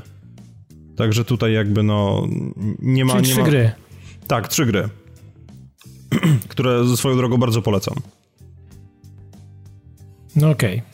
Jakieś, jakieś nowości zauważyłeś, oprócz tych rzeczy, które powiedziałeś o stronie takiej stricte technicznej? Znaczy nie, wiesz co, jeżeli chodzi o nowości, to jestem trochę rozczarowany z tego względu, że zostały wykrojone ze względów licencyjnych, podejrzewam, niektóre kawałki z soundtracku, w związku z czym po prostu no. jest tak, że lecisz w zonie i sobie myślę, okej, okay, okej, okay, zaraz będzie mój ulubiony kawałek i nagle się okazuje, że go nie ma. A że jestem w zonie drugą godzinę, nie naraz okay. oczywiście, nie, nie naraz, no, no, bo wiadomo. to by było nie do osiągnięcia, bo tam jak już zaczynasz lecieć w okolicach 2,5 tysiąca kilometrów na godzinę, to no, no nie. To chyba trzeba by, trzeba by było się specjalnie położyć spać i wstać wyspanym, żeby to zaliczyć. W każdym razie jest część kawałków wykrojona, a tak poza tym no to jest to taki zwykły, uczciwy, bardzo dobrze wykonany remaster, ale to powiedziawszy trzeba też zaznaczyć, że niestety, ale mm, szczególnie właśnie w wyścigach z 2048 widać mobilny rodowód e, w tym, że niestety, ale czasami po prostu geometria obiektów nie jest taka, jak, jak Czyli byśmy po prostu zwykli się spodziewać. Czyli a nie zrobione od nowa. No dokładnie, no ale to jest remaster, a nie remake, tak? Więc no na okładce nawet jest napisane. Także no tutaj, no, ale wiecie, tak po... tego, co można osiągnąć jako remaster. Dalej już byłby tylko remake, tak? W sumie tak można jakby określić. Nie, wydaje mi się, że można byłoby jeszcze się ewentualnie trochę bardziej postarać, ale im też z drugiej strony pewnie bardzo mocno zależało na tym, żeby utrzymać te 60 klatek na sekundę i chwała im za to, bo jeżeli by tutaj były jakiekolwiek dropy, to by było katastrofalne. E, w każdym razie, no, widać miejscami po prostu to, że to nie jest gra robiona z myślą o PS4 tak na mur beton od samego początku. Co oczywiście w jakikolwiek sposób nie ujmuje tej grze, no bo wszyscy wiemy czym jest Wipeout i Wipeout jest po prostu... E, to, to jest Wipeout, tak? Można w ten sposób powiedzieć. Czyli mamy po prostu absurdalnie szybkie wyścigi lewitujących statków, które przy okazji strzelają do siebie rakietami i tak dalej, i tak dalej. Są pewne rzeczy, które mi się nie podobają, ale no to A jakieś prostu... nowe statki są, czy nie? Wiesz co, nawet nie wiem tak na dobrą sprawę, bo ja póki co cały czas siedzę w mistrzostwach 2048 i, i się okay. wściekam w związku z tym, że nie mogę osiągnąć złotych pucharków, tylko te zielone, które są pas, a ja chcę wszystko, żeby było elite i, i no, no właśnie taki jest efekt, że potem jeden wyścig rozgrywam cztery razy. No jasne. Znaczy, Także... powiem ci, mnie mhm. na przykład szokowała cena, bo ta gra jest bodajże kosztuje 140 zł, z tego widziałem w cyfrówce. Tak, kosztuje 140 zł i, i, w pudełku jest zresztą bardzo podobnie z tego, co się orientuję. Nawet nie wiem, czy czasami nie było gdzieś już taniej, ale jest to absolutnie naprawdę świetna sprawa i jeżeli macie tą kasę i lubicie właśnie Wipeouta, no bo jakby nie ma co tutaj się rozpowiadać na temat tego, co to jest, no bo wie, nie, no wszyscy no, wiadomo, wiemy, wiadomo, wszyscy to jest wiedzą. po prostu Wipeout, który został spakowany na nowo, ładnie ubrany w szaty Zestarzała się ta mechanika, czy się nie zestarzała? Wiesz co, mechanika się kompletnie nie zestarzała, natomiast zestarzała się trochę otoczka, w tym, w tym sensie, że e, trochę archaiczne, tak wiejące archaizmem jest jednak to, że w momencie, kiedy lecisz w wyścigu i jesteś informowany głosowo przez jakieś tam AI, jaka broń właśnie została odpalona w twoim kierunku i to po prostu się czasami robi taka kakofonia dźwięków, że nie idzie tego wytrzymać, no bo jest za tobą ośmiu chłopak, który, gdzie, gdzie, gdzie, każdy ma jakąś inną broń i tylko słyszysz cannon, mines, bomb i wiesz, i nie słyszysz muzyki, nie słyszysz nic, tylko cały czas są komunikaty na temat tego, no czym może właśnie trzeba to wyciszyć, no. Może trzeba no to tak, to jest najlepsze wyjście z sytuacji. Ale ogólnie, no, trasy, trasy robią o, ogromne wrażenie, bo jednak była spora część tras, które były tylko w Wipeoutie 2048 i jakby na Wicie wyglądało to dobrze, ale w momencie, kiedy jest to rozciągnięte na X cali na, waszym, na, na ścianie waszego salonu, to no, zaczyna się robić naprawdę wesoło. Także jeżeli chodzi o tego Wipeouta, no to jakby tutaj nie ma co się za bardzo rozwodzić na temat tego, jaka jest struktura samej gry, no bo to jest to, co już mieliśmy. Natomiast pod kątem technicznym jest to rzeczywiście zrobione bardzo, bardzo dobrze i nie wiem, czy to jest jakiś bonus e, w związku z tym, że po prostu dostałem kod od Sony Polska, za serdecznie dziękuję, czy, czy jest to normalnie zrobione e, w takiej formie, że w momencie, kiedy kupimy grę, to też jest. Natomiast wpadł mi cyfrowy artbook do tej gry który po prostu jawi się w menu PS4 jako dodatkowa aplikacja i jest tam no, cała masa różnych fajnych konceptów, na które miło jest sobie popatrzeć, więc jest to taki fajny jakby taka fajna dodatkowa informacja w to, jak proces tworzenia gry wyglądał. I to od samego początku to wszystko tam jest. No to to fajny, fajny bajer, fajny dodatek. No, mam nadzieję, że to też jest norm, w normalnej kopii. Może nie, wydaje mi się, że, nie, wiesz co, wydaje mi się, że tak, no bo nie robili przecież specjalnej aplikacji tylko po to, żeby jakieś garstce ludzi to rzucić, także wydaje mi się, że w normalnym też jak najbardziej to jest i zdecydowanie warto na to rzucić okiem. Jasne. Także sama gra, ona, no, gra się w to przyjemnie, tylko naprawdę trzeba po prostu lubić Wipeouta, no bo inaczej to będziecie się frustrowali i próbowali łamać pada, bo no, granie Rozumiem, na wariata... że split screen dalej chyba jest, tam chyba nie ma, może nie zostało to wycięte, bo dla split mnie split screen, był bardzo Nie, nie, fajny. split screen, split screen dalej jest i no tutaj jest właśnie przekleństwo, tudzież błogosławieństwo Digital Foundry, tak, bo oni robili testy i właśnie się okazuje, że nawet na split screenie, gdzie jest dwukrotnie liczona geometria, dalej trzyma 4K i dalej trzyma 60 klatek na sekundę. Także no to szacunek. Pod kątem, pod kątem technicznym, bo to chyba właśnie o to wszystko się rozchodzi, tak, że kupujemy tą grę drugi raz po to, żeby doświadczyć jej jakby w nowej jakości technicznej, także pod tym kątem jest to absolutnie genialnie zrobione i naprawdę nie ma co się do tego czepiać, tylko po prostu wyłączcie motion blur, bo to jest ważne. To jest wasz paszport do świata 4K. Znaczy do świata 4K, nawet jeżeli macie telewizor 1080p, ale naprawdę gra się w to cholernie przyjemnie i trudno jest się oderwać, bo dalej jest ten sam pierwiastek uzależniający, więc no mi się zdarzyło siedzieć o wiele dłużej niż powinienem, szczególnie po tym jak dostałem ten tytuł i się wciągnąłem, bo tryb zone jest dalej po prostu jak najgorszy narkotyk i te zmieniające się kolory, które wprawiają, że po prostu wpadasz w trans, to do tego się nie da do niczego chyba porównać, zresztą Dawid wie o czym mówię. No wiadomo. Nie, no ja jestem ogromnym fanem Wipeouta i myślę, że nie będę się specjalnie długo bronił Musimy i opierał, się żeby... żeby... Dawid z tym i też sobie zrobić jakieś padowe tutaj wyścigi, bo przecież multi to jest całe dodatkowe komponent. Ja bym chętnie tam polatał i myślę, że no mówię, długo nie będę się opierał i pewnie prędzej czy później e, a raczej prędzej e, ta produkcja Bardziej, się pojawi cena na jest to, to spoko i też zawartość kontentu, no bo to są trzy gry, które jednak, wiesz, no, przejście, wymasterowanie wszystkiego na złoto to naprawdę będzie przecież... E, nie, to jest niemożliwe. Ja tego na pewno nie zrobię, bo na PS3 nie udało mi się tego zrobić, więc jakby ta gra naprawdę wymaga wielu poświęceń i kil, kilkuset godzin pewnie, żeby to wszystko zrobić. Chociaż pewnie są takie kostury, które robią to w 100 godzin, są w stanie robić platyny, więc... No, no ja to... nie mam żadnego pojęcia, jak to wygląda, nawet nie zaglądałem w trofea, po prostu jak mi coś wpadnie, to dziękuję Bogu, że udało mi się to osiągnąć i tyle, no bo no. jakby niektóre są naprawdę tak przenobane challenge, że no nie wiem, niezależnie od tego, ile czasu próbuję, już w końcu wmawiam sobie, że to jest kwestia tego, że mam za wolny statek, na pewno nie jest moja wina, to jest wina tego, że nie mam dostępu do odpowiedniego sprzętu i tak dalej, i tak dalej a potem i tak pewnie wychodzi na to, że po prostu nie jestem wystarczająco szybki i że moje refleksy nie działają tak do końca jak powinny, bo naprawdę to, co się tutaj czasami dzieje, to no zresztą wiecie, jak jest, co ja będę mówił. No wiadomo. Dokładnie. Także no, ja od, od, od, serca, od serca zdecydowanie polecam, szczególnie tak jak mówiliśmy za tą cenę, no bo no śmiesznie jest patrzeć na to i myśleć sobie, że nie poczekam aż to tak na dobrą sprawę jakoś strasznie potanieje, bo tutaj nie ma co tanieć, a poza tym fajnie byłoby po prostu docenić to, co oni robią, bo naprawdę jest tutaj wpakowany kawał roboty i chociaż Studio London czy Liverpool już po prostu nie istnieją. Kto, kto w ogóle robił ten remaster, kojarzysz? E, wiesz co, gdzieś mi nazwa mignęła, ale w tej chwili nawet nie pamiętam. No właśnie, bo to studio nie istnieje, Evolution pewnie by też mogło może coś pomóc, ale oni też nie istnieją, więc... Nie wiem, zabiłeś mnie w tej chwili autentycznie, bo nie pamiętam. Nie pamiętam kto. Nigdy nie powiedział o tym, kto to robi, nie? Że tu dobra, o, o, wiesz, wszyscy Sony, to dobra, wiesz, yy, dobra robota. Patrzę teraz. Sony XDev Europe. No ale to nie jest czasem jakiś konglomerat studio deweloperskich, więc to może być tak na dobrą sprawę każdy. Jeszcze Clever Beans i Epos Game Studios. Nic mi to nie mówi, powiem szczerze. Nie mam żadnego pojęcia o kim mówisz, autentycznie. Ale jestem tym ludziom tak czy inaczej wdzięczny, bo zrobili kawał naprawdę doskonałej roboty i no śmiga się cudownie, tak? Wipeout to jest fajne, że ta kolekcja wydana na PS4, bo wszyscy wiemy, że mamy teraz te przekleństwa, tak? Framerate'ów i, i, i tak dalej. No i z jednej strony jakby idzie zrozumieć, tak, że się tym wszyscy przejmujemy, ale z drugiej w momencie, kiedy to jest tak naprawdę dobrze zrobione techniczne, tak jak w wypadku tego remastera, jest taka dzika przyjemność. To jest na takiej zasadzie, że siedzisz i nie myślisz o tym, że siedzisz przy PS4, że siedzisz przy telewizorze HD i tak dalej, bo czujesz się po prostu jakbyś był, jeżeli chodzi o uczucia, wrzucony do ery PS2 i w twoim czytniku by się kręcił stary, dobry wipeout, gdzie takie rzeczy po prostu kompletnie nie miały znaczenia, bo wiedziałeś, że są dopracowane do absolutnie maksymalnego poziomu. I tu jest dokładnie to samo. I to jest fajne, że po prostu siedzisz. Ja się naprawdę czułem, jakby był 2004 rok.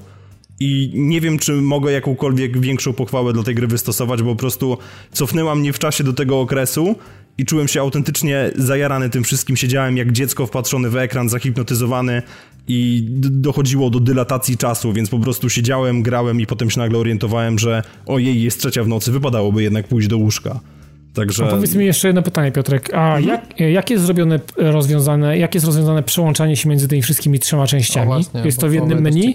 Wiesz co, jest to, jest to o tyle fajnie zrobione, no bo jednak były już remastery, które łączyły w sobie różne części gier i po prostu polegało to na tym, że był jakiś idiotyczny ekran tytułowy, na którym wybieraliśmy sobie, w którą część chcemy grać. Tutaj wszystko jest jakby zunifikowane w postaci jednego menu, wchodzimy sobie w pozycję jakby Championship i wybieramy, z której gry mistrzostwa chcemy przejść.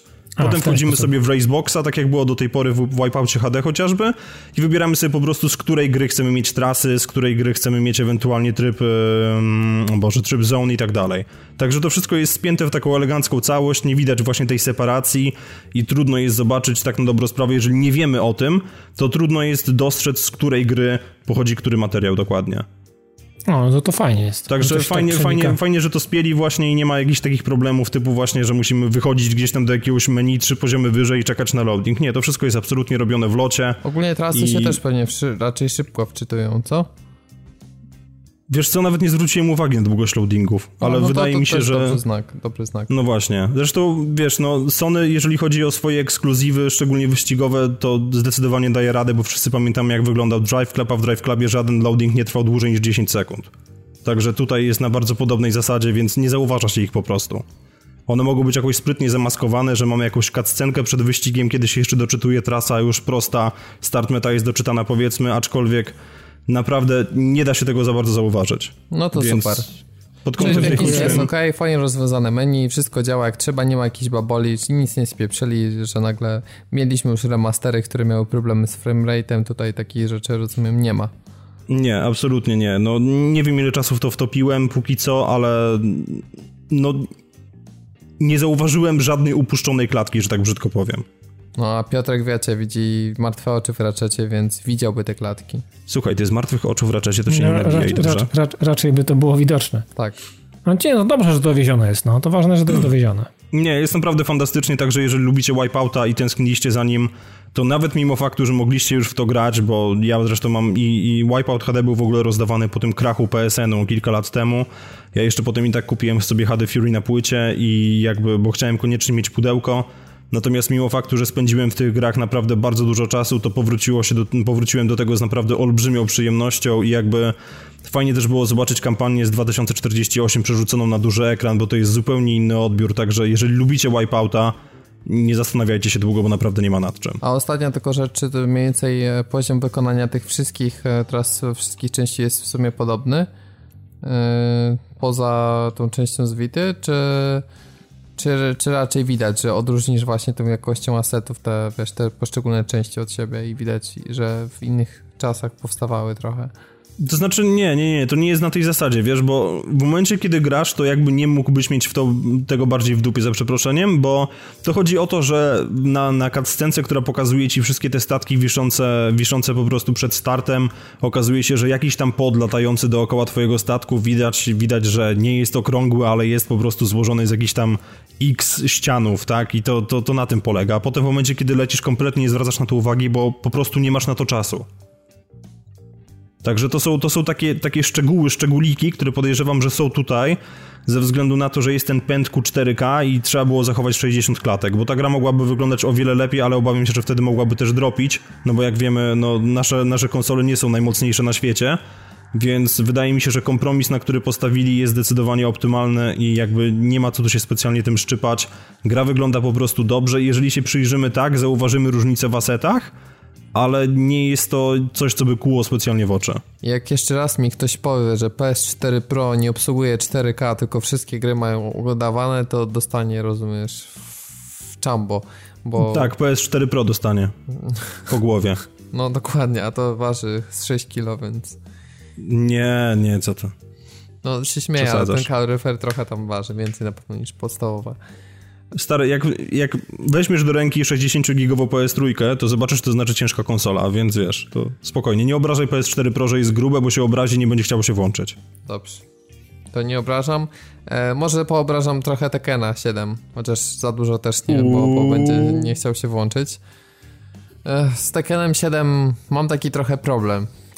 Bo to jest e, taki przykład gry, która pewne rzeczy robi zarąbiste, a z drugiej strony widać, że nie wykorzystuje za bardzo dobrodziejstw tego, co przyniosły nam konsole nowe, jakkolwiek mocne czy niemocne. Oczywiście z Tekkenem jest sytuacja zawsze bardzo specyficzna, bo Tekken tak naprawdę jest grą, która funkcjonuje już od dwóch lat na automatach i tyle czasu zajęło przygotowanie gry konwersji na konsolę plus dodanie story moda.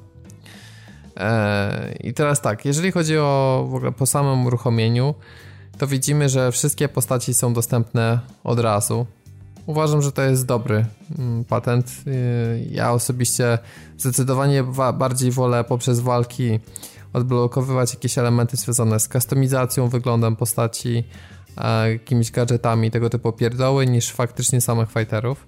Choć oczywiście jak w Tekkenie to bywa, no dalej mimo tego, że gra jest dostępna już jakiś czas na automatach, to, to nie jest gra, która jest idealnie zbalansowana, w sensie takim, że dalej są postaci, które od zawsze w Tekkenie były mocniejsze i tutaj dalej są mocniejsze. Oczywiście można powiedzieć, że więksi wyjadacze są w stanie zrobić ruchy, które są neutralizujące i na każdego, na każdą postać przygotować zestaw odpowiednich kontr i kombosów, które wpisują się w słabości danej postaci, ale ja mówię o takim bardziej nazwijmy to casualowym graniu. E, natomiast jak już sobie załadujemy i wybierzemy te postaci, to niestety, ale naszym oczom ukaże się strasznie plastikowy wygląd tych postaci i taki niezbyt fajny styl artystyczny. Dlatego, że e, Tekken 5 poszedł już pewnego rodzaju stylizację, Tekken 6 też, e, w Tekken Tag Tournament 2 mieliśmy trochę też więcej jakby cel shadingu, natomiast tutaj jest ja bym, mam wrażenie, że to jest taki trochę ala z wyglądu jak remaster Tekkena 4. Tekken 4 zawsze mi się z dotychczasowych części, w które grałem, wydawał taki najbardziej plastikowy i tutaj też mamy ten plastik fantastic. I teraz co tu mam na myśli? No po prostu absolutnie fatalne wy wykonanie mm, twarzy postaci. Strasznie dziwnie i naturalne wyglądające włosy. Skóra, która po prostu jest, no, to odbija jakby była z plastiku, po prostu tak, tak, tak też nierealistycznie wygląda. I to nawet mówię o wersji na, na PlayStation 4 Pro, która tam obsługuje Full HD, a wersja na PS4 to jest nawet poniżej 900p. Także też technicznie to wszystko nie, nie stoi na jakimś super poziomie. Plusem jest to, że nic tam nie dropi cały czas jest 60 klatek, no ale w bijatykach, no to wiecie, no to jest absolutny must have i w ogóle bijatyka, która by dropiła, no to jest skreślona, tak? No bo to jest kwestia no, wbijania ciosu, więc to jakby nie będę się na tym rozwodzić, bo to było, jest i będzie zawsze po prostu jakby wymóg konieczny. Eee, natomiast e, jedna sprawa właśnie to jest, ja bym bardziej niż na, na tą grafikę ponarzekam trochę na ten styl artystyczny, bo ani tak areny mnie do końca nie przekonują, bo mamy oczywiście zróżnicowanie miejscówek, mamy jakiś tam wulkan, kratery, ale mamy jakieś e, powiedzmy tam e, wielkie korporacje, gdzie tworzą się, e, jest produkcja robotów, mamy też trochę jakby takie otwarte lokacje gdzieś tam z przyrodą w tle. Natomiast e, na przykład w jednym z moich ulubionych części do tej pory, czyli w Tekkenie 5, wyglądały one ciekawiej, czy nawet w Tournament 2 chyba też mi się bardziej podobały. Trudno mi nazwać nawet co jest konkretnie, po prostu nie urzekają widoki w tła, graficznie to też nie wygląda i to jest właśnie to, że jak już widziałem jak wygląda Injustice 2, to Tekken 7 trochę blednie przy tym i naprawdę wygląda bardziej jak remaster gry z poprzedniej generacji niż faktycznie nowa gra. Ale ponieważ Piotrek rozmawiał o tym, że ta magia Wipeouta jakby no wciąż jest i wciąż działa, tak samo można powiedzieć z magią Tekena. Tekken ma coś takiego do siebie, że ludzie nawet, który, którzy nie są tak niesamowicie blisko branży gier i po prostu są takimi mega niedzielnymi graczami, że tam od czasu do czasu w jakąś FIFA i właśnie bardzo często tą drugą grą jest Tekken. No bo Tekken ma tą swoją chlubną czy niechlubną też tradycję, że potrafią osoby, które spamują jeden atak w sumie całkiem nieźle sobie poradzić.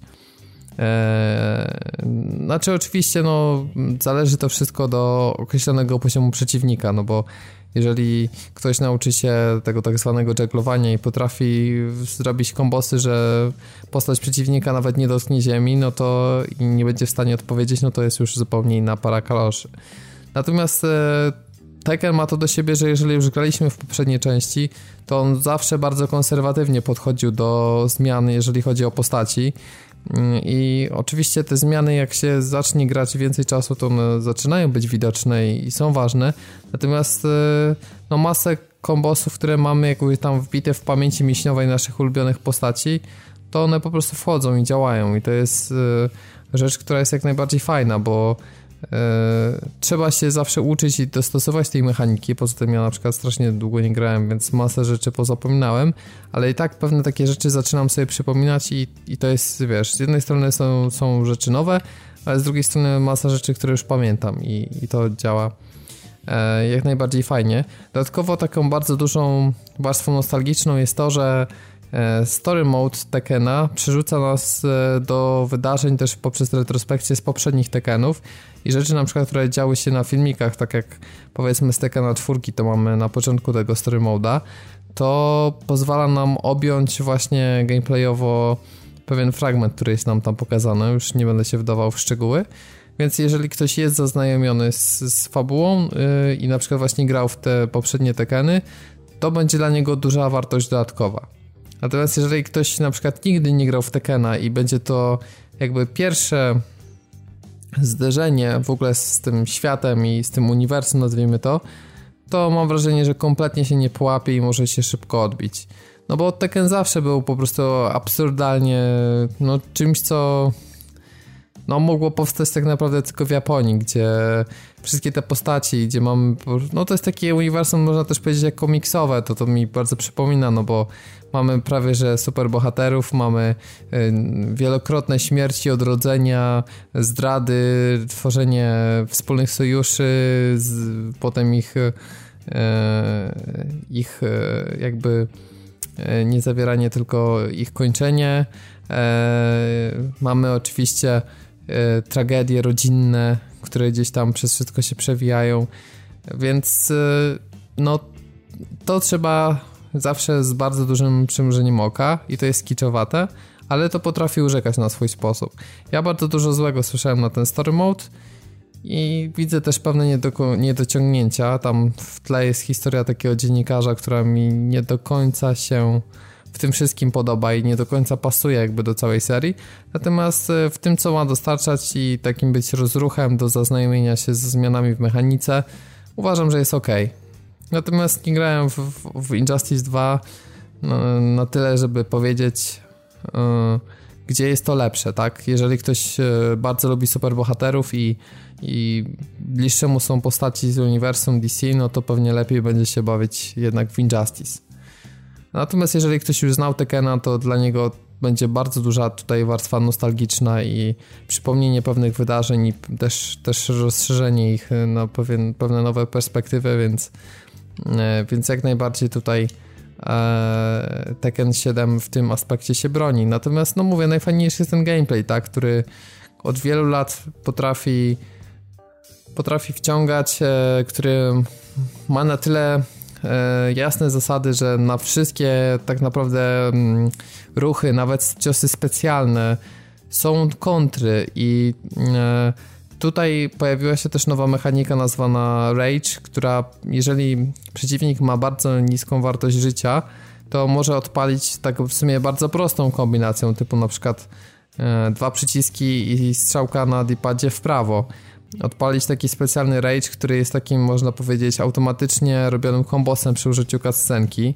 To trochę powiedzmy takie X-raye przypomina z Mortala Z tym, że na początku narzekałem trochę na to, ale w sumie jak się trochę więcej pogra, no to jesteśmy w stanie również to zblokować tak jak normalny atak. Tylko jakby cały wis polega na tym, że nie w momencie, kiedy zaczyna się odpalać cutscenka, bo wtedy jest już za późno, tylko trzeba zrobić to ułamek sekundy wcześniej. Więc tak naprawdę, żeby być w stanie blokować te raycharty, to musimy też trochę więcej pograć, trochę poznać też jak zaczynają się te animacje przeciwników, kontrolować cały czas dystans, na jakich jesteśmy e, e, przeciwnikiem, więc, e, więc wtedy to nam jakby pomoże w, w unikaniu tej, tej umiejętności, więc jest to jakaś taka nowość, która wydawało mi się, że będzie miała większe ostatecznie znaczenie gameplayowe, aż takiego nie ma. E, nie miałem też żadnych problemów e, z online'em, chociaż tam za dużo w to nie pograłem, natomiast e, wiem, że wiele osób miało problemy z połączeniem, ja na takowe nie natrafiłem. Całość tego menu, które jest taka nie jest trochę archaiczne, jak to w grach japońskich i trzeba się trochę naklikać i ono dosyć wolno się uruchamia. Natomiast na same loadingi, przynajmniej na PS4 Pro, nie miałem jakichś problemów. Dla mnie trochę problemem w online jest to, że nie da się robić takich szybkich rematchy i maksymalnie można ustawić do czterech wygranych rund, więc jeżeli na przykład gramy z kumplem, e, to po jakimś czasie to zaczyna być trochę frustrujące. Więc ja bym sobie życzył, żeby pojawiła się opcja właśnie na przykład takich szybkich rematchy, albo na przykład możliwość ustawienia, nie wiem, do dziewięciu wygranych rund. Technicznie to jest żaden kłopot, a tutaj niestety, ale no te cztery rundy potrafią szybko zlecieć i, i, i potem znowu mamy wyjście do lobby i ładowanie i wybór fighterów, więc y, myślę, że jeżeli chodzi o takie właśnie multigranie ze znajomym, to to jest minus. Poza tym mamy takie też pokoje, gdzie może być wielu graczy, możemy sobie z randomami robić takie, nazwijmy to, mini turnieje, e, więc, więc tutaj też są takie możliwości. E, jeżeli chodzi o odblokowywanie, no to zdobywamy za walkę wirtualne gotówki, które zazwyczaj to przeradzają się w jakieś tam chore ilości tego złota, bo mam wrażenie, że tak jakby to było ustalone na jeny, więc tam wiecie, na starcie już mamy tam prawie 10 milionów i, i sobie budujemy nasze bogactwo. W zamian za to kupujemy różnego rodzaju często absurdalne gadżety. Tam wiecie, jeżeli chcecie sobie kupić jakiś saksofon, nie wiem, czapkę pandy. No jakiś, shit. Wiesz, no taki poziom...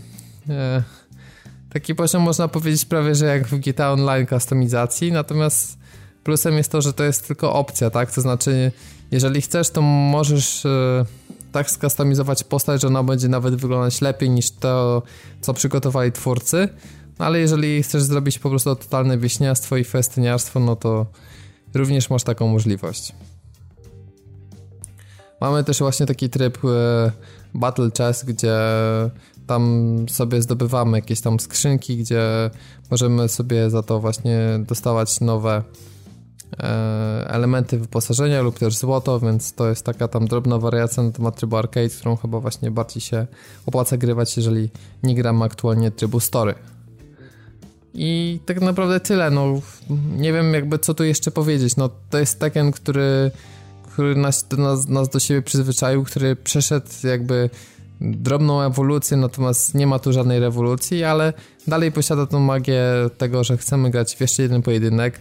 Dalej jest to bijatyka, którą najsensowniej da się pograć tylko i wyłącznie na, na konsolach PlayStation, bo w Tekkenie jakby, no zresztą to w każdej bijatyce, ale no tutaj po prostu D-pad to jest absolutnie rzecz obowiązkowa. No, ja grałem w tak turnament na Xboxie 360 i, i z tym Second Edition, który miał ten taki krzyżak, że w dwóch pozycjach można było ustawiać i no niestety, no tutaj akurat y, zawsze Tekken mi się kojarzył z padami do PlayStation i to jest gra mocno związana z PlayStation, więc jeżeli, jeżeli chcielibyście w to pograć, to jednak polecałbym y, na PlayStation i E, I po prostu nie spodziewajcie się tutaj żadnej rewolucji graficznej. Jeżeli dawno nie graliście w Tekkena i się stęskniliście i jakby znacie tą mechanikę, wiecie czego się spodziewać, to moim zdaniem się nie zawiedziecie. To jest e, jakby bardzo mocna i solidna część po takiej ogólnie słabiej przyjętej szóstce, to, to mi się wydaje taka najlepsza, duża część od czasu piątki, godny następca. Natomiast e, mnie osobiście tak minimalnie rozczarował właśnie tą warstwą techniczną i tym, że te areny mogły być e, powiedzmy trochę lepiej wykonane i design niektórych postaci, e, to jak one teraz się prezentują też nie zawsze mnie przekonuje. Ale poza tym ja bym tak taka, no, taką ósemkę spokojnie gra zas zasługuje, to jest e, bardzo dobry tytuł. Czyli solidna gra w sumie, suma summarum, Trzeba tak? być fanem, żeby docenić po prostu. Co nie znaczy, że nowe Jasne. osoby nie mogą się wkręcić. Takim bonusem jest to, że w grze znajdziemy soundtrack ze wszystkich części Tekena, łącznie od pierwszej części. E, I tak samo są wszystkie filmiki ze wszystkich części, jakie się pojawiły do wszystkich postaci. Co znaczy, że możemy sobie mm, też odblokowując, bo nie wszystkie są od razu dostępne, jakby zapoznać się ze światem e, tego całego uniwersum, a Tekken do niektórych postaci miał przezabawne filmiki, naprawdę świetne, więc mm, ja pamiętam jak się śmiałem nieraz, szczególnie właśnie z czwórki czy z piątki, więc jakby dla mnie też powrót do tych rzeczy to jest jakaś tam dodatkowa wartość. A dla osób, które na przykład nie grały, no to okazja do zaznajomienia się z tym kontentem, który na przykład nie mieli na PlayStation 2, nie mieli okazji się po prostu zapoznać. Chyba, że macie jakieś no pytania. Okay, no. Jak nie, no to przejdziemy. Czy grałeś Yoshimitsu? Tak, grałem Yoshimitsu, bo w story mode zresztą musimy grać Yoshimitsu. Czy wygląda jak owoce morza? Zależy które, co bardziej krewetka w sensie, czy homar masz na myśli? Bardziej homar. No to tak. Dalej ma tą Czyli swoją taką prawda. grzywkę, wiesz, taką dwuczęściową nazwijmy to. Taki irokes, wiesz, tylko odwrócony. Można, moż, można go ubrać w metalową zbroję z trójki? Czy nie masz wyboru strojów? E, no jest wybór strojów i podejrzewam, że jest. No nie zagłębiałem Jak się... Jak to podejrzewam? No dlatego, że nie wgłębiałem się w kustomizację Yoshimitsu, mi się nigdy dobrze nim nie grało, więc... Jak możesz? Łamiesz mi serce. Dokładnie. Ja miałem kiedyś takiego maila na wirtualnej Polsce Yoshimitsu ma. O, Dawid wie co dobre. No, dokładnie. Tak było. Nie, to ja nie mam żadnych więcej pytań, bo rozumiem, że online testowałeś. Mhm. Z tego co słyszałem. I, i, I jak jest ze stabilnością, powiedz mi, bo mówiłeś to, że. No... no wiesz, jak trafisz na kogoś z chujowym łączem, kto ci załączy jakiegoś tam, wiesz, lag switcha. Mhm. To się nie obronisz, no. no. to się nie obronisz, no. Co zrobisz, jak nic nie zrobisz? Ale ogólnie ja nie miałem problemów, że nie wiem, wywalało, czy że były lagi. Jak się połączy z kimś i to działa, no to będzie działać, o. A no to, no to dobrze, nie, bo ja wiesz, ja piję do tego trochę, że mimo wszystko, mimo faktu, że żyjemy w takich, a nie innych czasach, to jednak zdarzają się problemy z tego typu trybami. Patrz, e, niesławne Halo Master Chief Collection, które jak wszyscy wiemy, chyba dalej zresztą nie działa tak jak powinno. No, ono już nigdy nie będzie działać tak jak powinno. No nie, na Xboxie One X podejrzewam, że będzie, bo to będzie magiczna moc. Może. Nie, ale w porządku, jeżeli, jeżeli online prądzi tak jak powinien, no to, to spoko, tak, bo... I rozumiem, że nie ma przy okazji żadnych idiotycznych patentów, bo w Street Fighterze ostatnim, przynajmniej w becie, były właśnie takie różne dziwne wynalazki, które sprawiały, że sesje były chyba tylko raz na kilka godzin i czasami u nas wypadało, że była to czwarta rano. No nie, nie ma takich patentów. No to spoko. To wszyscy wygrywają. No mówię, jeżeli znacie Tekena i chcielibyście w to pograć, to nie ma, lepszej, nie ma lepszego w tej chwili Tekena do zagrania pewnie niż Tekken 7. Więc po prostu jak najbardziej trzeba spróbować i warto. No to gicior. Same dzisiaj fantastyczne gry omawialiśmy. Tak, Żadnego gówna. a przed nami jeszcze fantastyczniejsze, ponieważ 27 czerwca, to jest w dzień jak tego słuchacie, pojawia się Elite Dangerous, który już do mnie leci. 30 e, czerwca z kolei remaster Crash'a, całej trylogii, też prezentuje się rewelacyjnie. Ten, ten motion blur, który tam zrobili jest taki niesamowity i ta głębia, no to jest tak, to jest pokazane jak mogłyby wyglądać gry Nintendo, gdyby korzystały właśnie z o, to w, na sam koniec, stary, wjebały się po prostu w takie bagno, że w komentarzach ci żyć nie dadzą. Ale gry no Nintendo słyszę, nie wymagają więcej mocy. mocy. No ale to tak, tak jak wiesz, to tak jak Super Mario Odyssey mógłby wyglądać jak Ratchet, no, no po prostu. I tak wygląda nieźle, ale no wiecie o co chodzi. No. Ja wiem, ja wiem, ja rozumiem. Eee, będzie też Micro Machines World Series. Czyli to tak... wygląda zajebiście i czekam trochę na to. Bo to jest taki duchowy spadkobierca w sumie, nie? No, no w sumie jest tak. tam, wiesz, ten tytuł. Nie wiem, czy to oryginalni twórcy Micro Machines to robią. Eee, no ale zdaje się, że za tym wszystkim właśnie stoi Codemasters, tak? No, tak. Wiesz, nie wiadomo jacy to ludzie w tym Codemasters, ale sam fakt, że... Możliwe, że tamci, możliwe, że tamci już nie żyją.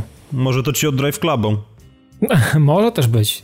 Może też być. Tak, w każdym razie a... widziałem materiały i to podoba mi się, podoba mi się to bardzo. No. no to jest właśnie kolejny też taki tytuł jak, jak um, można powiedzieć jak trylogia Crasha, tak? To znaczy mamy grę, która w klasycznym gameplayu się prezentuje, ale jednak z tą oprawą, która niesamowitej głębi dodaje. Jest to też taki bardzo oryginalny styl artystyczny i no takie wiesz, izometryczne ściganie się, no to ja zawsze w takie coś strasznie się wciągałem i wydaje mi się, że... To będzie dobra gra na, impe na imprezę, zanim się wszyscy napiją. Tylko czy to pojawia się na konsolach, czy póki co będzie tylko i wyłącznie... Nie, na konsolach też, oczywiście, że tak. Też, no. Też, oczywiście. To wychodzi wszędzie. To świetnie. Oprócz, oprócz Switcha. I 30 czerwca jeszcze jedna rzecz, Valkyria Revolution. Tak, też zacieram łapę. Czyli sequel do Valkyria Chronicles. Chcę zobaczyć znowu czołg Edelweiss na prąd. Chcę nim jeździć. Nie wiem, czy właśnie mnie obraziłeś, czy nie, ale tak. To ja jest chcę... bardzo ważna rzecz. Edelweiss to jest najlepszy czołg w grach wideo ever. A ja chcę, żebyście weszli na patv.pl. Byłoby fajnie, żebyście zostawili na przykład komentarz pod tym odcinkiem, zapoznali się z naszą zbiórką na Patronite, zapoznali się z naszą grupą na Facebooku, odwiedzili naszego Twittera, żeby zobaczyć najnowsze statusy, update'y od nas. I tak naprawdę tyle. No, życzymy Wam udanych wakacji.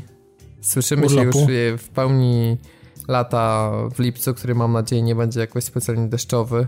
Życzymy Wam, żeby trąba powietrzna Wam dachu nie urwała albo jakiegoś samochodu tam nie rozbiła, bo to u nas to różnie, żeby żadnej powodzi się nie, nie, nie pojawiły, żeby upa upały nie spaliły internetów, a jak spalą, to żeby chociaż, nie wiem, można było spędzić miło czas na zewnątrz i żeby lato z padem było, jeżeli waszym padem będzie piwo, czy, czy, czy pad będzie faktycznie padem, to już jak tam sobie chcecie. Ważne, żeby miło, fajnie i w, w dobrym gronie spędzić te najbliższe tygodnie, czego wam serdecznie życzymy z okazji tych zbliżających się wakacji. Tyle ode mnie. Ja nazywam się Robert Fiałkowski i prowadziłem podcast numer 246. Ze mną dzisiaj w studio Piotrek Modzelewski. Dzięki wielkie za uwagę. I Dawid Maron. Dzięki i do usłyszenia za dwa tygodnie.